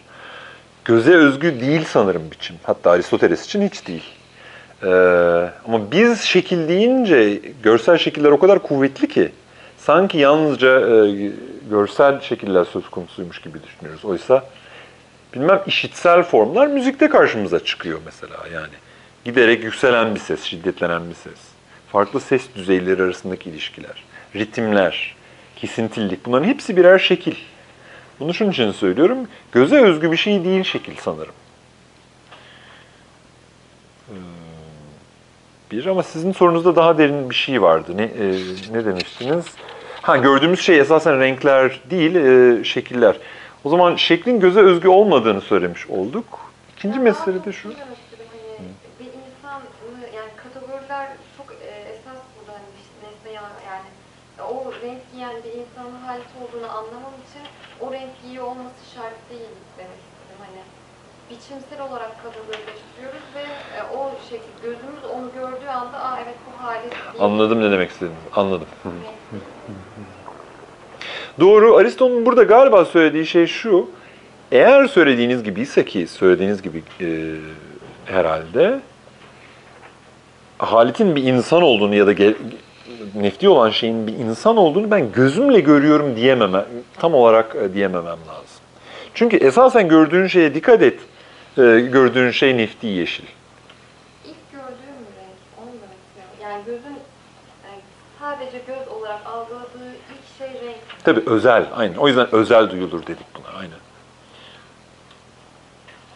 Ve e, şeye de e, bakabilirsiniz. Yani gözü incelediğiniz zaman karşınıza çıkan şey, aa haliti görmek için ya da insanı görmek için dizayn edilmiş gibi durmaz göz. Göz, aa işte öyle bir göz ki bu insanı algılıyor. Hayır öyle bir göz yok. Gözün olayı ne? Gözü incelediğiniz zaman renk spektrumunu algılıyor. Köpekler belli bir spektrumu görüyor, arılar polarize ışık görüyor, insan şu. Burada konuştuğumuz şey yani arılar Halit'i görebiliyor, öbürleri Ahmet'i göremiyor gibi bir şey değil. Olayı renk üzerinden anlamlandırmamız lazım. Çünkü gözün gerçek dili renk demeye çalışıyorum. Diğerleri e, unutmayın ki biz burada solucanlardan, süngerlerden bile söz ediyoruz. Hep insan üzerinden düşünme hatasına düşmeyin bence. E, dolayısıyla Halit'e ben baktığımda evet insan görüyorum ama onun benim gözümle çok fazla bir alakası galiba yok. Anlatabiliyor muyum? Okey. E, düşünmeye ilişkin iki bölüme e, değinelim. E, kısaca okuyacağım. E, daha da bulanıklaşacak esasında iş. Aristo'nun bakalım. Nerede bu? Hı. 180 küsürlerdeyim sayfa olarak. 187. Bu öyle bir zor ki yani canım yapmak istemiyor o kadar zor. Ee,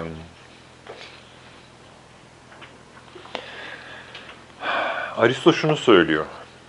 Dokunma, dokunan şey üç boyutludur. Elim mesela dokunuyor. Üç boyutlu. Dokunma duyusunun kendisi üç boyutlu değildir. Duyunun kendisinin bir büyüklüğü yok. Duyu organının bir büyüklüğü var. Bu ayrım tamam. Peki. Duyu organım duyumsadığı zaman ne demiştik? Maddeyi almadan formu alıyor. Adeta süzüyor gibi neredeyse. Peki.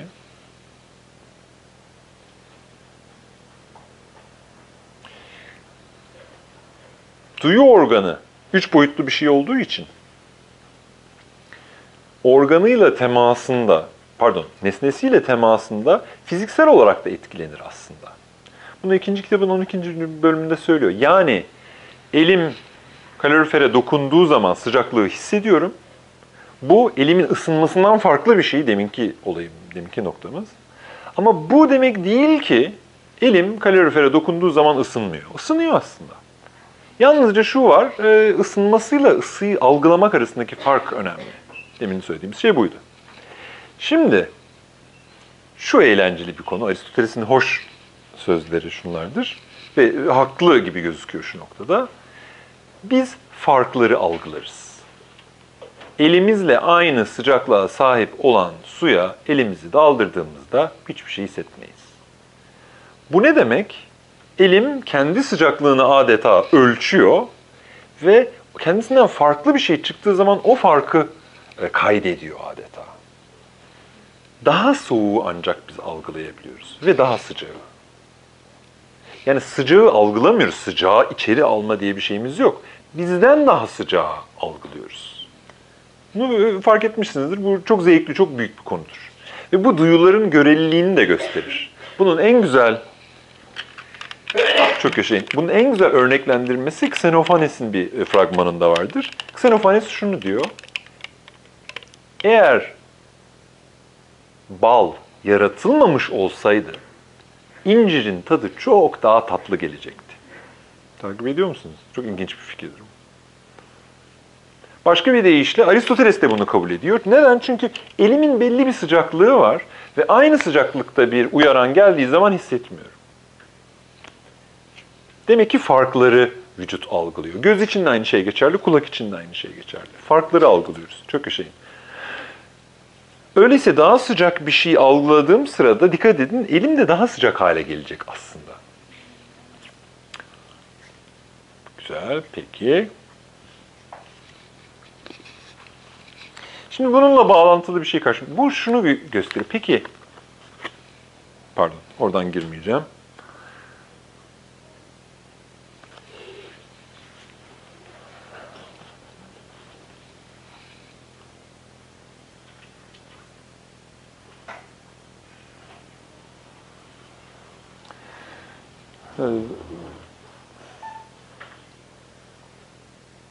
Zor bir fikir bu. Ee, e, Şeydeyim, 100, 191 civarındayım.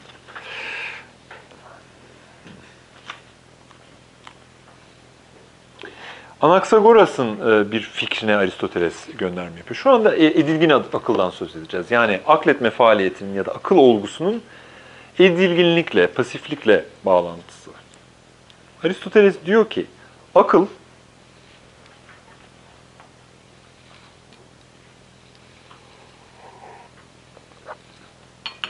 elimden farklı olarak elim yalnızca daha sıcağı ve daha soğuğu algılayabiliyordu.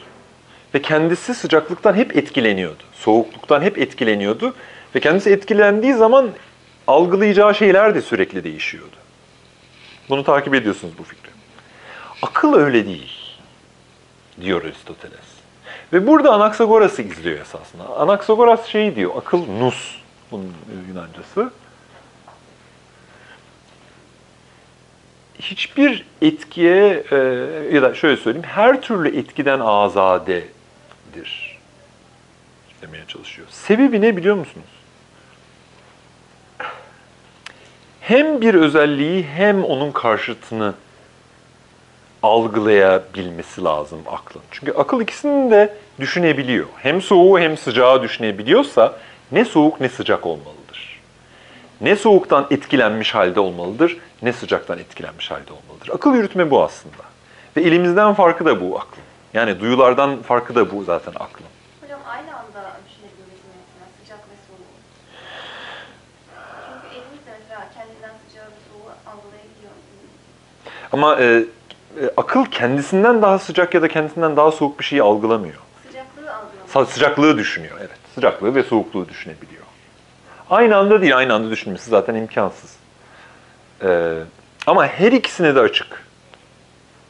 Ve daha da önemlisi şu, işte e, bedensel bir organı olmadığı için aklın, el aşırı bir sıcaklık karşısında parçalanır, aşırı bir soğukluk karşısında hissedemez hale gelirken, akıl bir organa sahip olmayışıyla ve etkilenmekten azade oluşuyla Evet cümleyi tamamlayamıyorum. İyice yoruldum. Ee, Herhangi bir şeyden etkilenmiyor. evet. Hocam dağıtmayacaksan bir şey Buyurun. Ee, bu az önceki şeyde Aristo'nun biz farkları algılamayız cümlesiyle e, yani iç ve dış ayrımının duyular için zayıfladığını anladım doğru mu? O zaman akıl için mesela hani ayrımlar yaptık ya ön arka Hı hı. işte aşağı yukarı falan gibi. Hı hı. İçi dışı da eklersen e, o zaman akıl bunu buna bir sorun yok. Tam olarak içi dışı algılıyor ama duyular bu konuda zayıf ya da algılamıyor gibi bir şey mi çıktı orada? Neyi algılamıyor? Yani mesela dedik ya sadece farklı oluyor. Mesela Evet, ben- evet, evet. şey benim aklıma şey geldi. Mesela baharda hani vücut ısısının hiçbir şeyden rahatsız olmamız demek ki denk olabiliyor falan. Hı hı. Ama mesela kışın ya da yazın Evet, tepki evet. veriyorum. Evet, mesela güzel. terliyorum falan gibi bir şey Çok aklıma güzel. geldi. Çok güzel.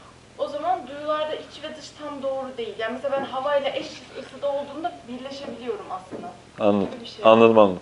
Ama Ee, akıl evet. ayırt edebiliyor iç ve dışı. Yani hava ve ben ayrı şeyleri. Evet, evet, evet. Kabaca doğru. Yani Aristo iç ve dış sözcüklerini kullanmıyor. Neredeyse pek kullanmıyor ama dediğiniz şey doğru gibi gözüküyor. Yani galiba Aristo şunu derdi, derdi ki e, duyuların algıladığı şey hep relatiftir. Yani elin sıcaksa o anda o sana çok ılık gelecektir ya da çok soğuk gelecektir. Akıl için bu geçerli değil. Akıl için mesela matematiksel bir işlem yaptığınızda e, akıl hiçbir şeye maruz kalmıyor. Sürekli açık ve bu anlamda da e, şey lafını da kullanıyor galiba. Bir lev- yazılmamış bir levha gibidir. Neden yazılmamış bir levha gibidir? Çünkü her şeyin yazılabilmesi, her şeyin yazılabildiği bir ortamdır. Hem sıcaklık, hem soğukluk, hem sayılar, hem e, gördüklerimiz, hem işittiklerimiz her şeyi düşünmemiz mümkün ya. Bu şunu gösteriyor, düşünme yetisinin kendisi bütün bunlardan münezzeh olmalı ki onları düşünebilsin. Anlatabiliyor muyum? Çünkü yalnızca sıcaklığı e, algılayacaksa e, bu durumda soğukluğu algılayamayacak. Oysa her ikisini birden e, algılayabiliyor. Sanırım fikir bu.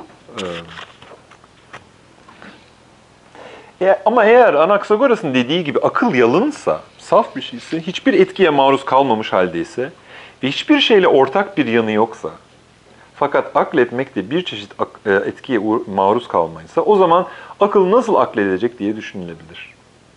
Eyvah. Burada fikri problemleştiriyormuş. Hmm. Bir önceki sayfa bir, e, 189'da. Duyu aşırı duyulurlardan duyumsayamaz hale gelir. Örneğin yüksek seslerden ses duyamaz, kuvvetli renk ya da kokulardan göremez ya da duyamaz, koku alamaz hale gelir. Oysa akıl, dikkat edin, aşırı derecede akledilebilir olanı aklettiği zaman daha az akledilebilir olan şeyleri akletme gücü azalmaz artar. Çok parlak bir ışık gözünüzü kör eder ama akılda çok parlak olan bir şey, çok akledilebilir olan bir şey sizin akıl yetinizi köreltmez, tam tersine geliştirir.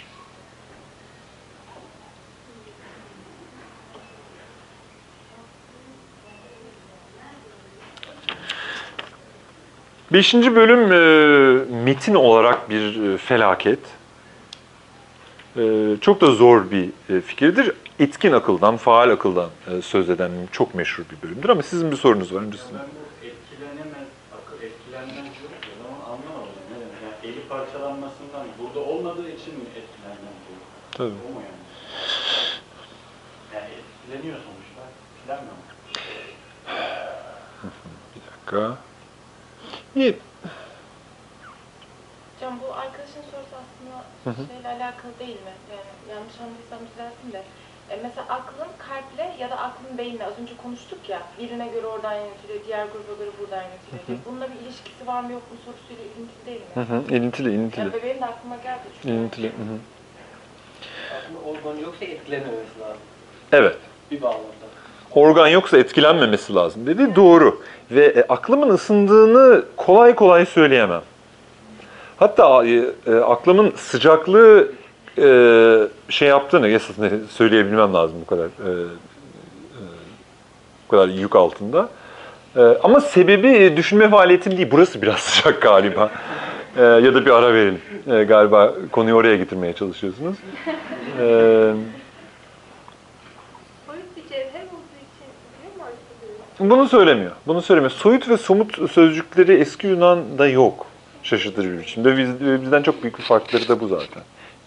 Biz bugün somut ve soyut diye düşünüyoruz ya. Aristoteles'te pek bu yok. Şunu söylemeye çalışıyorum. Sizin sorunuza e, geri dönmek için.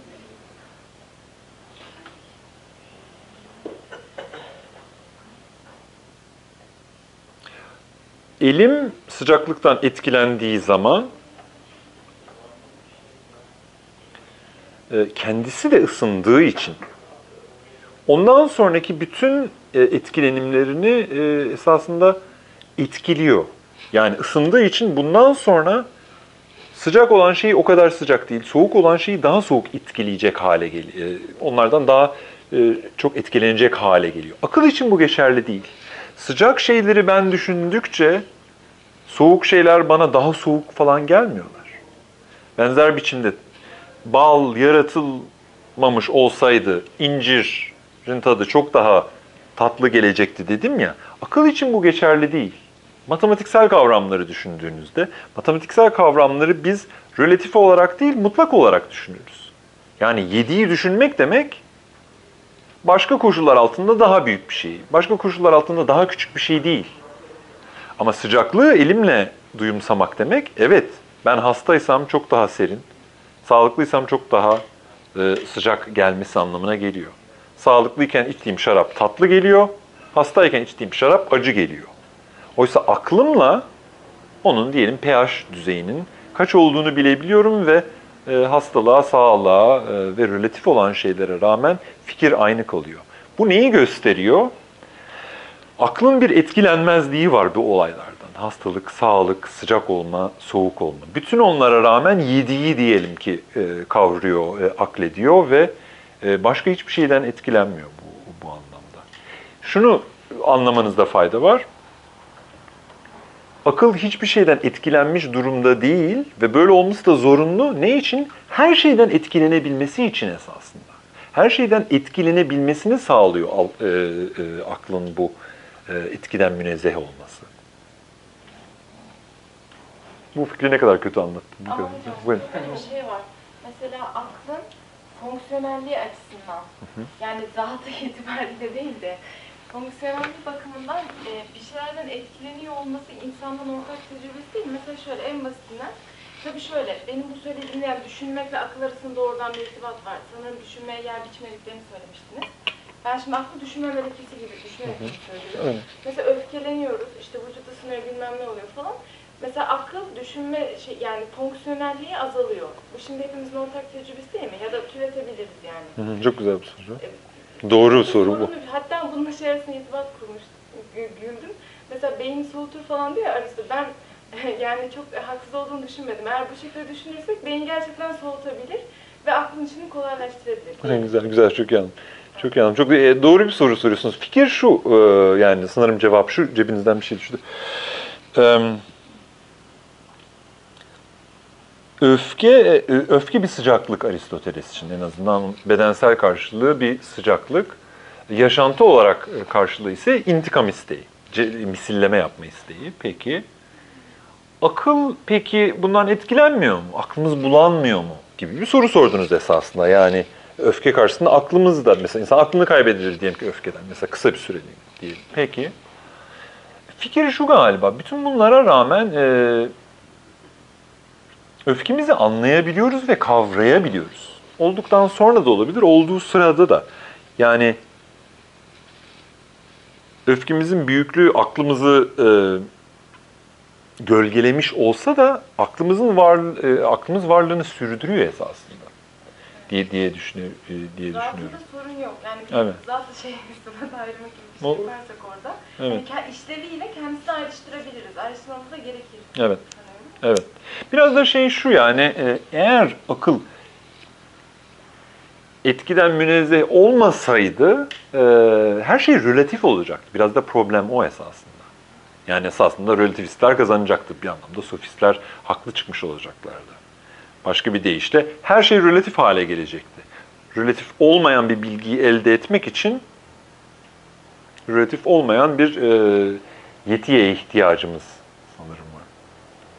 Ba- Bakalım metinde güzel bir bir, bir pasaj yaka- e, yakalamak isterim. Çünkü e, bu fikri hiç anlatamadığımı hissediyorum. Oradan da şunu hissediyorum. Ben de çok iyi anlamamışım demek ki. Hı. Ara verebiliriz. Doğru. Ben aslında bitirmeye e, yaklaştık gibi hissediyorum en azından. Şey, beşinci... Efendim? E, şu beşinci bölümü yalnızca okuyacağım zaten. Başka yapacağım bir şey esasında yok. Ee, tüm doğada her cins için, 191. sayfadayım. Tüm doğada, madem tüm doğada her cins için bir yandan madde var. Öbür yandan da her şeyi yapıp etmesi bakımından başka etkin bir neden daha var. O zaman ruhta da aynı farklar olmalı.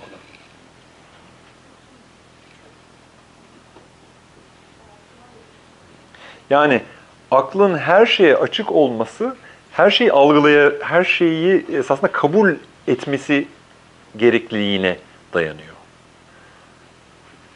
Gözümüz sesi algılamıyor. Kulağımız kokuyu algılamıyor ama aklımız esasında hepsini algılayabiliyor.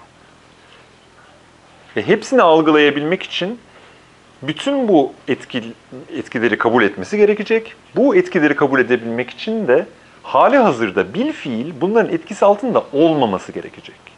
Bütün bu kuvveleri haiz olabilmek için bunların hiçbirisine bil fiil sahip olmaması gerekecek. O yüzden de saf bir kuvve olmak durumunda. Aslında galiba fikir bu. Descartes'in şeyinden çok farklı değil. Bal hikayesinden çok farklı değil galiba. Okey. Nitekim bir yandan her şey haline gelmesi bakımından maddeye denk düşen akıl vardır. Demin sözünü ettiğimiz akıl buydu. Aklım öyle bir şey ki karşıt şeyleri kabul edebiliyor ve onlar haline gelebiliyor. Haline gelebildiğine göre esasında bunların hepsinden münezzeh bir biçimde duruyor ki sonradan o plastisiteyi e, şey yapıyor, e, belli bir formun içer- içerisine sokuyor her şey haline gelebiliyor. Neyden farklı olarak? E, görselliğin iş, işitsellikle hiçbir alakası yok. İşitselliğin sayılarla bir alakası yok. Oysa aklımız bunların hepsini kabul etme e, gücüne sahip. Öbür yandansa öyleyse her şey haline gelebilen bir yanı var aklın. Diğeri de her şeyi yapması bakımından. Peki bu yapmayı ne gerçekleştirecek sorusunu soruyor Aristo. Başka bir deyişle göz bağlamında örneğe bakacak olursak ışık bil kuvve gör renkleri bil fiil renk haline getiriyor ve biz görmeye başlıyoruz.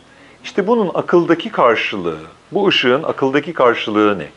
Düşünülebilir olan şeyleri bil fiil düşünülürler haline getiren şey bir şey olmalı diye düşünüyor Aristoteles. E, faal akıl, etkin akılda Bir çeşit sahiplik olarak ışık gibi. Çünkü ışık da belli bir tarzda gücül haldeki renkleri işler haldeki renkler haline getirir. İşte bu akıl varlığı bakımından bir işlerlik olmasıyla müstakildir. Her türlü karışımdan ve her türlü özellikten ya da etkenimden azadedir bu da. Çünkü etkin olan edilgin olandan, ilke de maddeden hep daha değerlidir. İşler halde bilgi konusuyla aynıdır. Bunu daha önce görmüştük zaten. Evet, gücül haldeki bilgi bireyde zaman bakımından öncekidir ama bütünde zaman bakımından bile önce gelmez. Fiil kuvveden öncedir, bunu da görmüştük. Ama bu demek değil ki o akıl kah akledip kah akletmez. Başka bir deyişle öyle bir akletmeyi anlayabilmek için e, etkin akıl, faal akıla ihtiyaç var. Ve her şeyi o başlatacağı için onun kendisinin bir durup bir başlamaması gerekiyor. Anlatabiliyor muyum ne demek istediğimi? Bu Aristoteles hep karşımıza çıkan bir fikirdir. Ama bu demek değil ki o akıl kah akledip kah akletmez. Başka bir deyişle o akıl aklın nesnelerini kuvveden fiile geçirince biz düşünebiliyoruz. Ama o aklın kendi e, nesnelerini bir akledip bir akletmemesi söz konusu olmuş olsaydı bu sefer onun nesnelerini kuvveden fiile taşımak için başka bir varlık gerekecekti. Ve bu sonsuza kadar gidecekti. Oysa bunun bir yerde durması lazım. İşler akıl bu nedenle zorunlu. Ancak müstakil haldeyken tam olduğu gibidir ve ancak bu ölümsüz ve ezelidir, ebedidir. İşte organsız olan şey de buymuş gibi düşünülüyor. Farklı filozoflara göre, farklı kişilere göre bu bizim içimizde diyenler var, bizim dışımızda diyenler var. Tanrı'yla bunu özdeşleştiren var, özdeşleştirmeyenler var. Tartışma bu satırların etrafından çıkıyor. En azından bunu bilin. Yani bundan hiçbir şey anlamamış olduğunuzu hissediyorum. Normal. Ama bilin ki hiç olmazsa burada bu tartışmanın e, şeyi. Ama ancak bu ölümsüz ve e, ezelidir. Ama biz hatırlamayız. Çünkü o her türlü özellikten ya da etkilenimden azadedir. Edilgin akıl ise bozuluşa tabidir, fanidir. Ve o olmadan da hiçbir şey akletmez. Görüyorsunuz metin bozuk burada. Yani fikrin devamını takip etmek e, mümkün olmuyor. E, üçün, e, üçüncü bölüm, e, üçüncü kitabın sekizinci bölümü en güzel bölümüdür. Her şey toparlanıyor. Toparlan, sizin için toparlanacağını düşünmüyorum ama eğer toparlamak istiyorsanız üçüncü kitabın sekizinci bölümüne bakınız. Şimdi de ruh üzerine söylediklerimizi toparlayacak olursak 201. sayfa. Şunu bir kez daha ifade edelim ki ruh bir anlamda bütün var olanlardır. Çünkü var olanlar ya duyulurlardandır ya, akle, ya da akledilenlerdendir. Ruhta da duyumsama ruhta gerçekleşiyor, akletme de ruhta gerçekleşiyor. Dolayısıyla var olan her şeyin bir anlamda ruhtadır. İşte ruhtaki bilgi de bir anlamda bilinebilir olanlardır. Gene ruhta gerçekleşen duyum da duyulur olanlardır. Ne anlamda? İşte şimdi bunu araştırmak gerekiyor. Bilgi de ruhta gerçekleşiyor, duyum da ruhta gerçekleşiyor. Var olan her şey ya bir bilgi nesnesi ya bir duyum nesnesi. Dolayısıyla her şey bir biçimde e, ruhtan geçiyor demeye çalışıyor. Her şeyin yolu ruhtan geçiyor. Ruh bir anlamda bunların hepsi. Bilgi ve duyum nesnelerin nasıl ayrışırsa öyle ayrışır. Gücül olanlara gücül olanlara denk düşer, yetkin olanlara yetkin olan. Ruhun duyumsayıcı kısmı gücül olarak duyulurlardır. Bilici kısmı ise gücül olarak bilinir olanlardır. Yani yani bu kısımlar zorunlu olarak ya nesnelerin kendileriyle ya da onların biçimleriyle aynıdır. Duyumda nesnelerin kendileriyle aynı, bilgide nesnelerin biçimleriyle aynı. Kendileriyle aynı olacak halleri yok, ruhta taş bulunmaz, biçimi bulunur. Yanlış yorumlamışım, düzeltiyorum. Duyum ve bilgi nesnelerin ya kendileriyle aynı olmak durumunda ya da biçimleriyle aynı olmak durumunda. Yani bir taşı gördüğüm zaman ya taşla aynı şey olmam lazım ruh her şeyse ya da taşın biçimiyle aynı olmam lazım. Kendileriyle aynı olacak halleri yok. Ruhta taş bulunmaz, biçimi bulunur. O halde her şey ruhtadır, ruh bir anlamda her şeydir derken ruh taş mıdır yani sorusu saçma bir. Soru, ruhta taş bulunmaz ama taşın biçimi bulunur. Taşla ne... Buyurun. Hı? E şey, e, duyumsamayı görmedik mi? Duyumsamada ne demiştik? E, maddesini almadan bir şeyin biçimini almakta duyumsama. Önce bir beslenmeden başlayalım. Taşı yediğimizi düşünelim. Ne yapmaya çalışırız onu? Çiğnemeye, özütmeye çalışırız ve çok zor bir şey. Yani biçimini yok edip maddesini alıyoruz. Algılayacağımız zaman ise maddesini bırakıp biçimini alıyoruz. Yani bu süreç e, duyumsamaya başladıktan sonraki olan süreçten bahsediyoruz. Tabii. Öncesinden değil Platon'un. Yok, öncesinden öncesinden hiç değil. İnsan hani suretin varlar önceki zamanından bahsetmiyor. Yok, Madde yok. Evet. Evet. Evet, evet. Yani, ruhta bulunan süreçler aslında bir algıladıktan sonra oluşuyor. Yoksa kendisi de bulunan bir şey değil. Ya benim kafam şundan dolayı karışıyor. Az önce dedi ya her şey bir anlamda ruhsuz. Hı hı. Ee, bu biraz hani kafamı karıştırdı bu konuda. Sanki ruh, her şey ruh için her şey ruhta bulunuyormuş gibi. Biz de ondan bir parça ve pay alıyormuşuz gibi. Bu yüzden bilebiliyormuşuz gibi Hmm. düşünmeye Hmm. bahsediyorsunuz.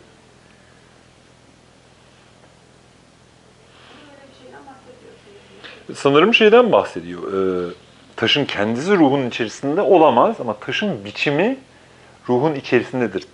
Bu anlamda ruh taşı kabul edebilecek bir varlıktır en azından. Dolayısıyla taşı algılama e, potansiyeli, kuvvesi olan bir şeydir ruh bu anlamda. Evet. Açıklayayım biraz daha. Yani taşın dışarıda var, içteki varlığı tutar, onun e, ruhunda bulunan formu var. Evet, Yani evet. Taşların içinden Evet, evet, evet. Dolayısıyla tek tek bütün taşlar bendedir diyemem.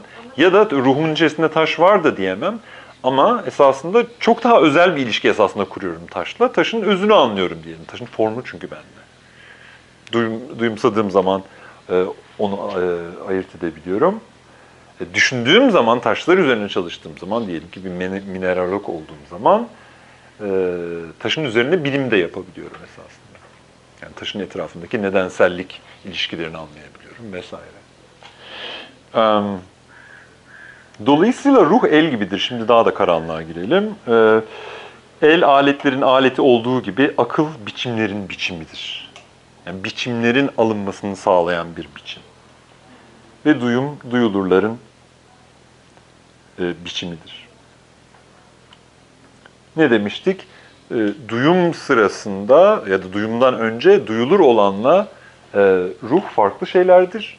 Duyum sırasında aynıdırlar. Bilgi için de aynı şey geçerli. Burada söylenen şey hem bilgi hem duyum ruhta gerçekleştiğine göre bu iki alanda ruh üzerinden e, bağlantı kurduğumuz alanlar ve gerçekliğin tamamını e, kapsamış olduk böylece. Aslında galiba fikir bu.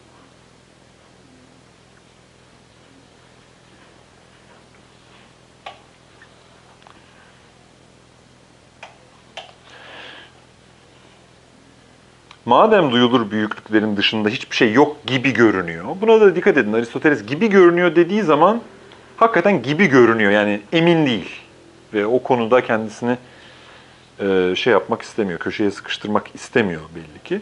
Duyulur büyüklüklerin dışında hiçbir şey yok gibi görünüyor. O halde akledilir olanlar duyulur biçimlerin içindedir. Bunu bilmenizde fayda var. Bu çok meşhur bir fikirdir. Karşınıza çok bir klişe olarak çıkar. Aristoteles buna aykırı şeyleri söylediği de olur. Ama e, Platon'da başka bir alemde olan ideaların e, ya da formların, biçimlerin, suretlerin Aristoteles'e göre e, bu dünyada var olan şeylerin içerisinde bulunduğu fikrinin dayandığı temel cümle budur. O halde akledilir olanlar duyulur biçimlerin içindedir. Soyutlama içerisinde söylenenler de duyulurların durum ve özellikleri de. Bu yüzden hiçbir şey duyumsamayan birisi, bakın sizin sizin sorduğunuz sorularla bağlantılı. Hiçbir şey duyumsamayan birisi ne bir şey öğrenebilir ne de anlayabilir. Bu e, Aristo'nun en en ampirist cümlelerinden bir tanesi. En e, duyucu, duyumcu e, cümlelerinden bir tanesidir. Temaşa ettiğinde ise her zaman bir hayali temaşa etmesi zorunludur. Bu orta çağda karşımıza e, çıkan bir fikirdir. zihinde ya da akılda hiçbir şey yoktur ki daha önce duyul, e, duyulardan gelmiş e, olmasın. Çünkü hayaller maddesiz olmaları dışında tıpkı duyumlar gibidirler.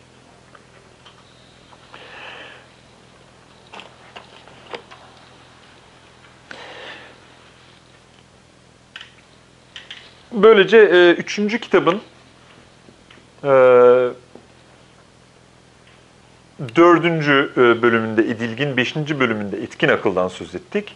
Sekizinci bölümde bu toparlamayı yaptık. Yani ruh hakkındaki konuşmamız duyumu ve e, bilgiyi kapsadıktan sonra e, var olanın tamamını örttük. Bunu neden söylüyorum? Şunun için söylüyorum. Ne demiştik? Aristoteles için dünya anlaşılabilecek bir yer. Ve insanda dünyayı anlayabilecek bir varlık. Yani üst üste mutlu bir örtüşme olduğunu size söylemiştim ilk oturumda. Hatırlıyor musunuz bunu? Hı? Olumlu ve pozitif bir epistemolojisi var. Yani dünyaya insan geldiği zaman yabancılaşmış olduğu bir alem, uymadığı, içine oturmadığı bir e, memleket gibi yaşamaz. Tam tersine yuvasına oturur adeta insan dünyaya geldiğinde. İşte bu e, bölüm birazcık da bunu anlatıyor. Yani insan ruhunda neden? Beş duyu var, akıl var. Dolayısıyla var olan her şeye bizim bir erişimimiz var şu anda. Her şeyi anlayabiliriz, her şey bizim ruhumuzun içerisinden geçebilir e, diye düşünüyor. Diğer hayvanlarda büyük bir ihtimalle e, dünyanın tamamını ya da var olanın tamamını e, kabul etme gücü yok. İnsanda var. Yani insanı üstün e, çıkartan bir paragraf esasında bu. Ve bu anlamda da e, trajik olmayan bir epistemolojisi vardır. Hakikate ulaşılabilir, elimizde, ruhumuzda var olan her şeye bir e, denk düşen bir e, yeti e, vardır e, demeye getirmiş oluyor bizi. Dünyayı tanımak için ruhumuzun ötesinde bir şeye gitmemize gerek yok. Her şey ruhumuzda e, hazır durumda. Bu işte insan varlığı ile e, var olanın e, eşleşmesinin, denkleş, e, denkliğinin e, Aristoteles'teki bir ifadesidir. Evet, küçük bir tur oldu. E, bu sonunun en azından e, problemleri çözmemiz imkansız. Hiç olmasa metinde nelerle denk düştüğünü görmüş oldunuz. E, sorularınızı e, alabilirim eğer sorularınız varsa. Buyurun.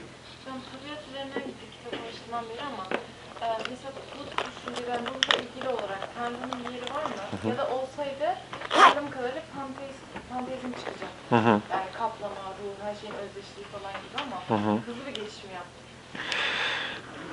Hızlı bir geçiş yaptınız eee, galiba.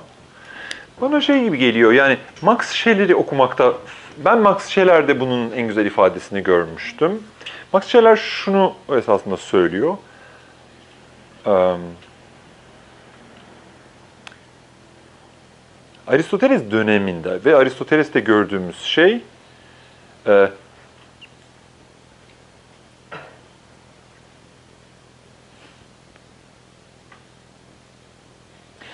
Şunu söyleyeyim o halde size. Şeyi hatırlıyor musunuz? Fiilin kuvveden önce gelmesi gerekliliği. Yani yarım olan bir şeyi yarım olarak anlayabilmek, ki sizin verdiğiniz örnekte, yarım olan şeyi yarım olarak anlayabilmek için zaten tam fikrine ihtiyacınız var. Eğer tamma ilişkin bir ön bilginiz yoksa yarıma yarım demezsiniz ki. Yarıma tam dersiniz o zaman. Anlatabiliyor muyum? Bu fikir basit olmalı esasında. En basit formu bu. Demek ki yarım bilgisinin ta kendisi bir tamın yarısı olma bilgisini içermelidir. Bunu anlıyoruz. Evet. Bunun çok benzeri esasında Levinasçı bir konu bir yandan da. Ee, sonlu olan da, kendisini biraz orta çağ terimleriyle konuşacağım. Ancak sonsuz olan olmaması üzerinden anlamlandırabilir. Eğer sonsuz olana bir referans olmasaydı sonlu olan kendisini sonlu olarak düşünmeyecekti. Anlatabiliyor muyum ne demek istediğimi? Ve e, do- bu şunu anlama geliyor. E, tam olan yarım olandan ontolojik olarak ve epistemolojik olarak daha önce gelmeli. Benzer biçimde sonsuz olan sonlu olandan daha önce gelmeli. E bu çok açık. Sonlu olanlardan hareketle sonsuzu oluşturamıyoruz zaten. Takip ediyorsunuz bunu da. Biraz Tanrı'nın payı burada. Tanrı öyle bir uyanıklık ki, öyle bir öyle bir e, saf e, saflık ki bütün diğer uykuları uyandırabilecek e, potansiyel potansiyel de değil. e, varlık ancak o olabilir. Ve eğer dünyada bir uyanıklık varsa o mutlak e, uyanıklığın var olması gerekir. Nasıl e, yarımın var olabilmesi için tam gerekli gerekliyse sonlu e, ancak sonsuzla ilişkisi anlamında anlam kazanıyorsa ben Tanrı'yı da e, buradaki fonksiyon olarak öyle düşünüyorum. Mutlaka var olması lazım. Her şeyi harekete geçirecek olan şey o. Kendisi hareket etmiyor e, vesaire. Bu şeylerden söz etmemin sebebi şu. Bize e, bize uzak bir bir anlayış bu e, gerçekten. Bizim e, bizim e, bize bize uzak bir tarafı var. Yani temas kurmakta e, bence zorlanıyoruz. E, ben de zorlanıyorum açıkçası. E, Yani mesela şöyle, yani, e, konu şu aslında mesela yani ben mesela Aristo düşüncesi hakkında diyelim ki bir şey yazıyorum. Hı hı. E, mesela onu böyle bir tanrı terakkisiyle özdeşleştirsem, işte mesela Spinoza ile bir başkasıyla, yani arada bir şekilde ütopik de olsa bir köprü kurmaya çalışsam, hı hı. Yani Hı hı. hani, hani oturmaz mı? Hı hı. Panteist değil mi? Ee, Hayır. Ama başında olduğunu anlatmaları eminim. Yani Evet. felsefesinin başında var. Evet. Ama yani esas soru şu, yani o zaman şey, yani şöyle, Tanrı terakkisinin türünü buradan anlayamam bu kitapta. Bu kitaptan anlayamazsınız. Anladım. Evet, bu evet. ayrı, evet. bir alt başlık gibi kalıyor. Bu daha detaylı. Kesinlikle. Tabiat üzerine bir araştırma. Evet, Bütüne bakarak belki bir şey söyleyebilirim. evet, evet, evet.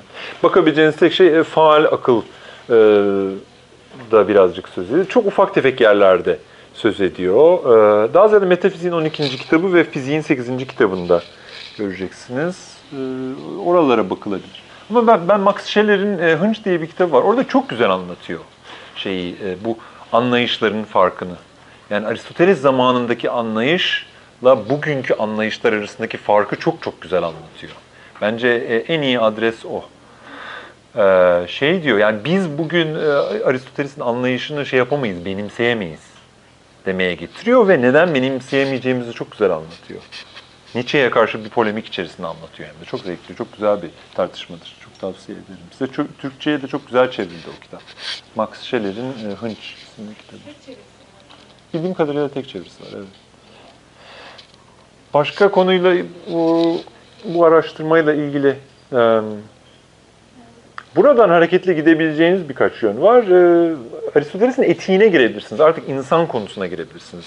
Dediğiniz şey çok doğru. Biz doğa hakkında konuştuk çok. Görüyorsunuz solucanlar, bitkiler, yıldızlar, beslenme. Tabii bunlarla ilgili. Ve o yüzden de bir hayal kırıklığına bizi uğratıyor. Çünkü biz zannediyoruz ki hani çok e, uhrevi şeylerden söz edeceğiz. Hayır, uhrevi bir şeyden söz etmiyor bu kitap hiç. O yüzden de bizi hayal kırıklığına uğratıyor.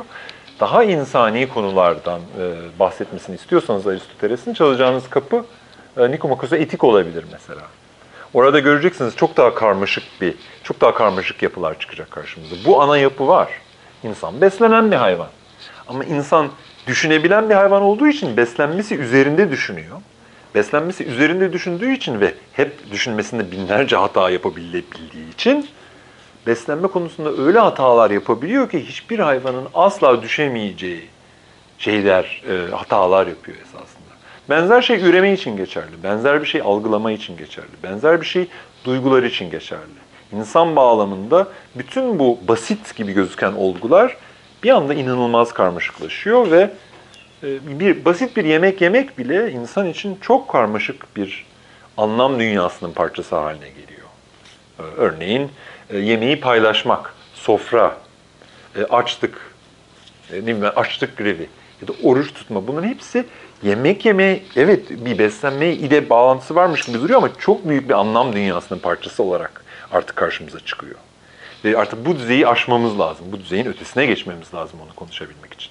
Takip ediyor musunuz? Aynı şey algılama için geçerli ve O zaman da sıra ters Geldi. olurdu belki. Hı? Etikle konuşurduk, ondan sonra belki ruh ve ukrevi olan hakkında konuşabilirdik. Yani İslam Evet. da aslen bir tanrıcı Evet. veya işte onunla Tabii. ruhla irtibatını daha Evet. sonra konuşmamız gerekirdi ama burada sıra ters gidiyor. Ruhtan sonra etik Evet. konuşulabilir. Aynen öyle.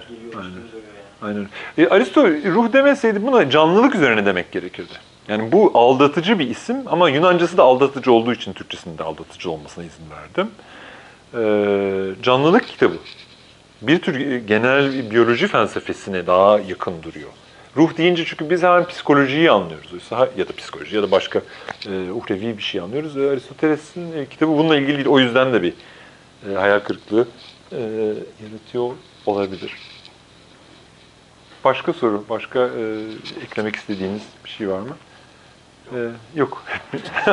Çok teşekkürler e, dinlediğiniz için.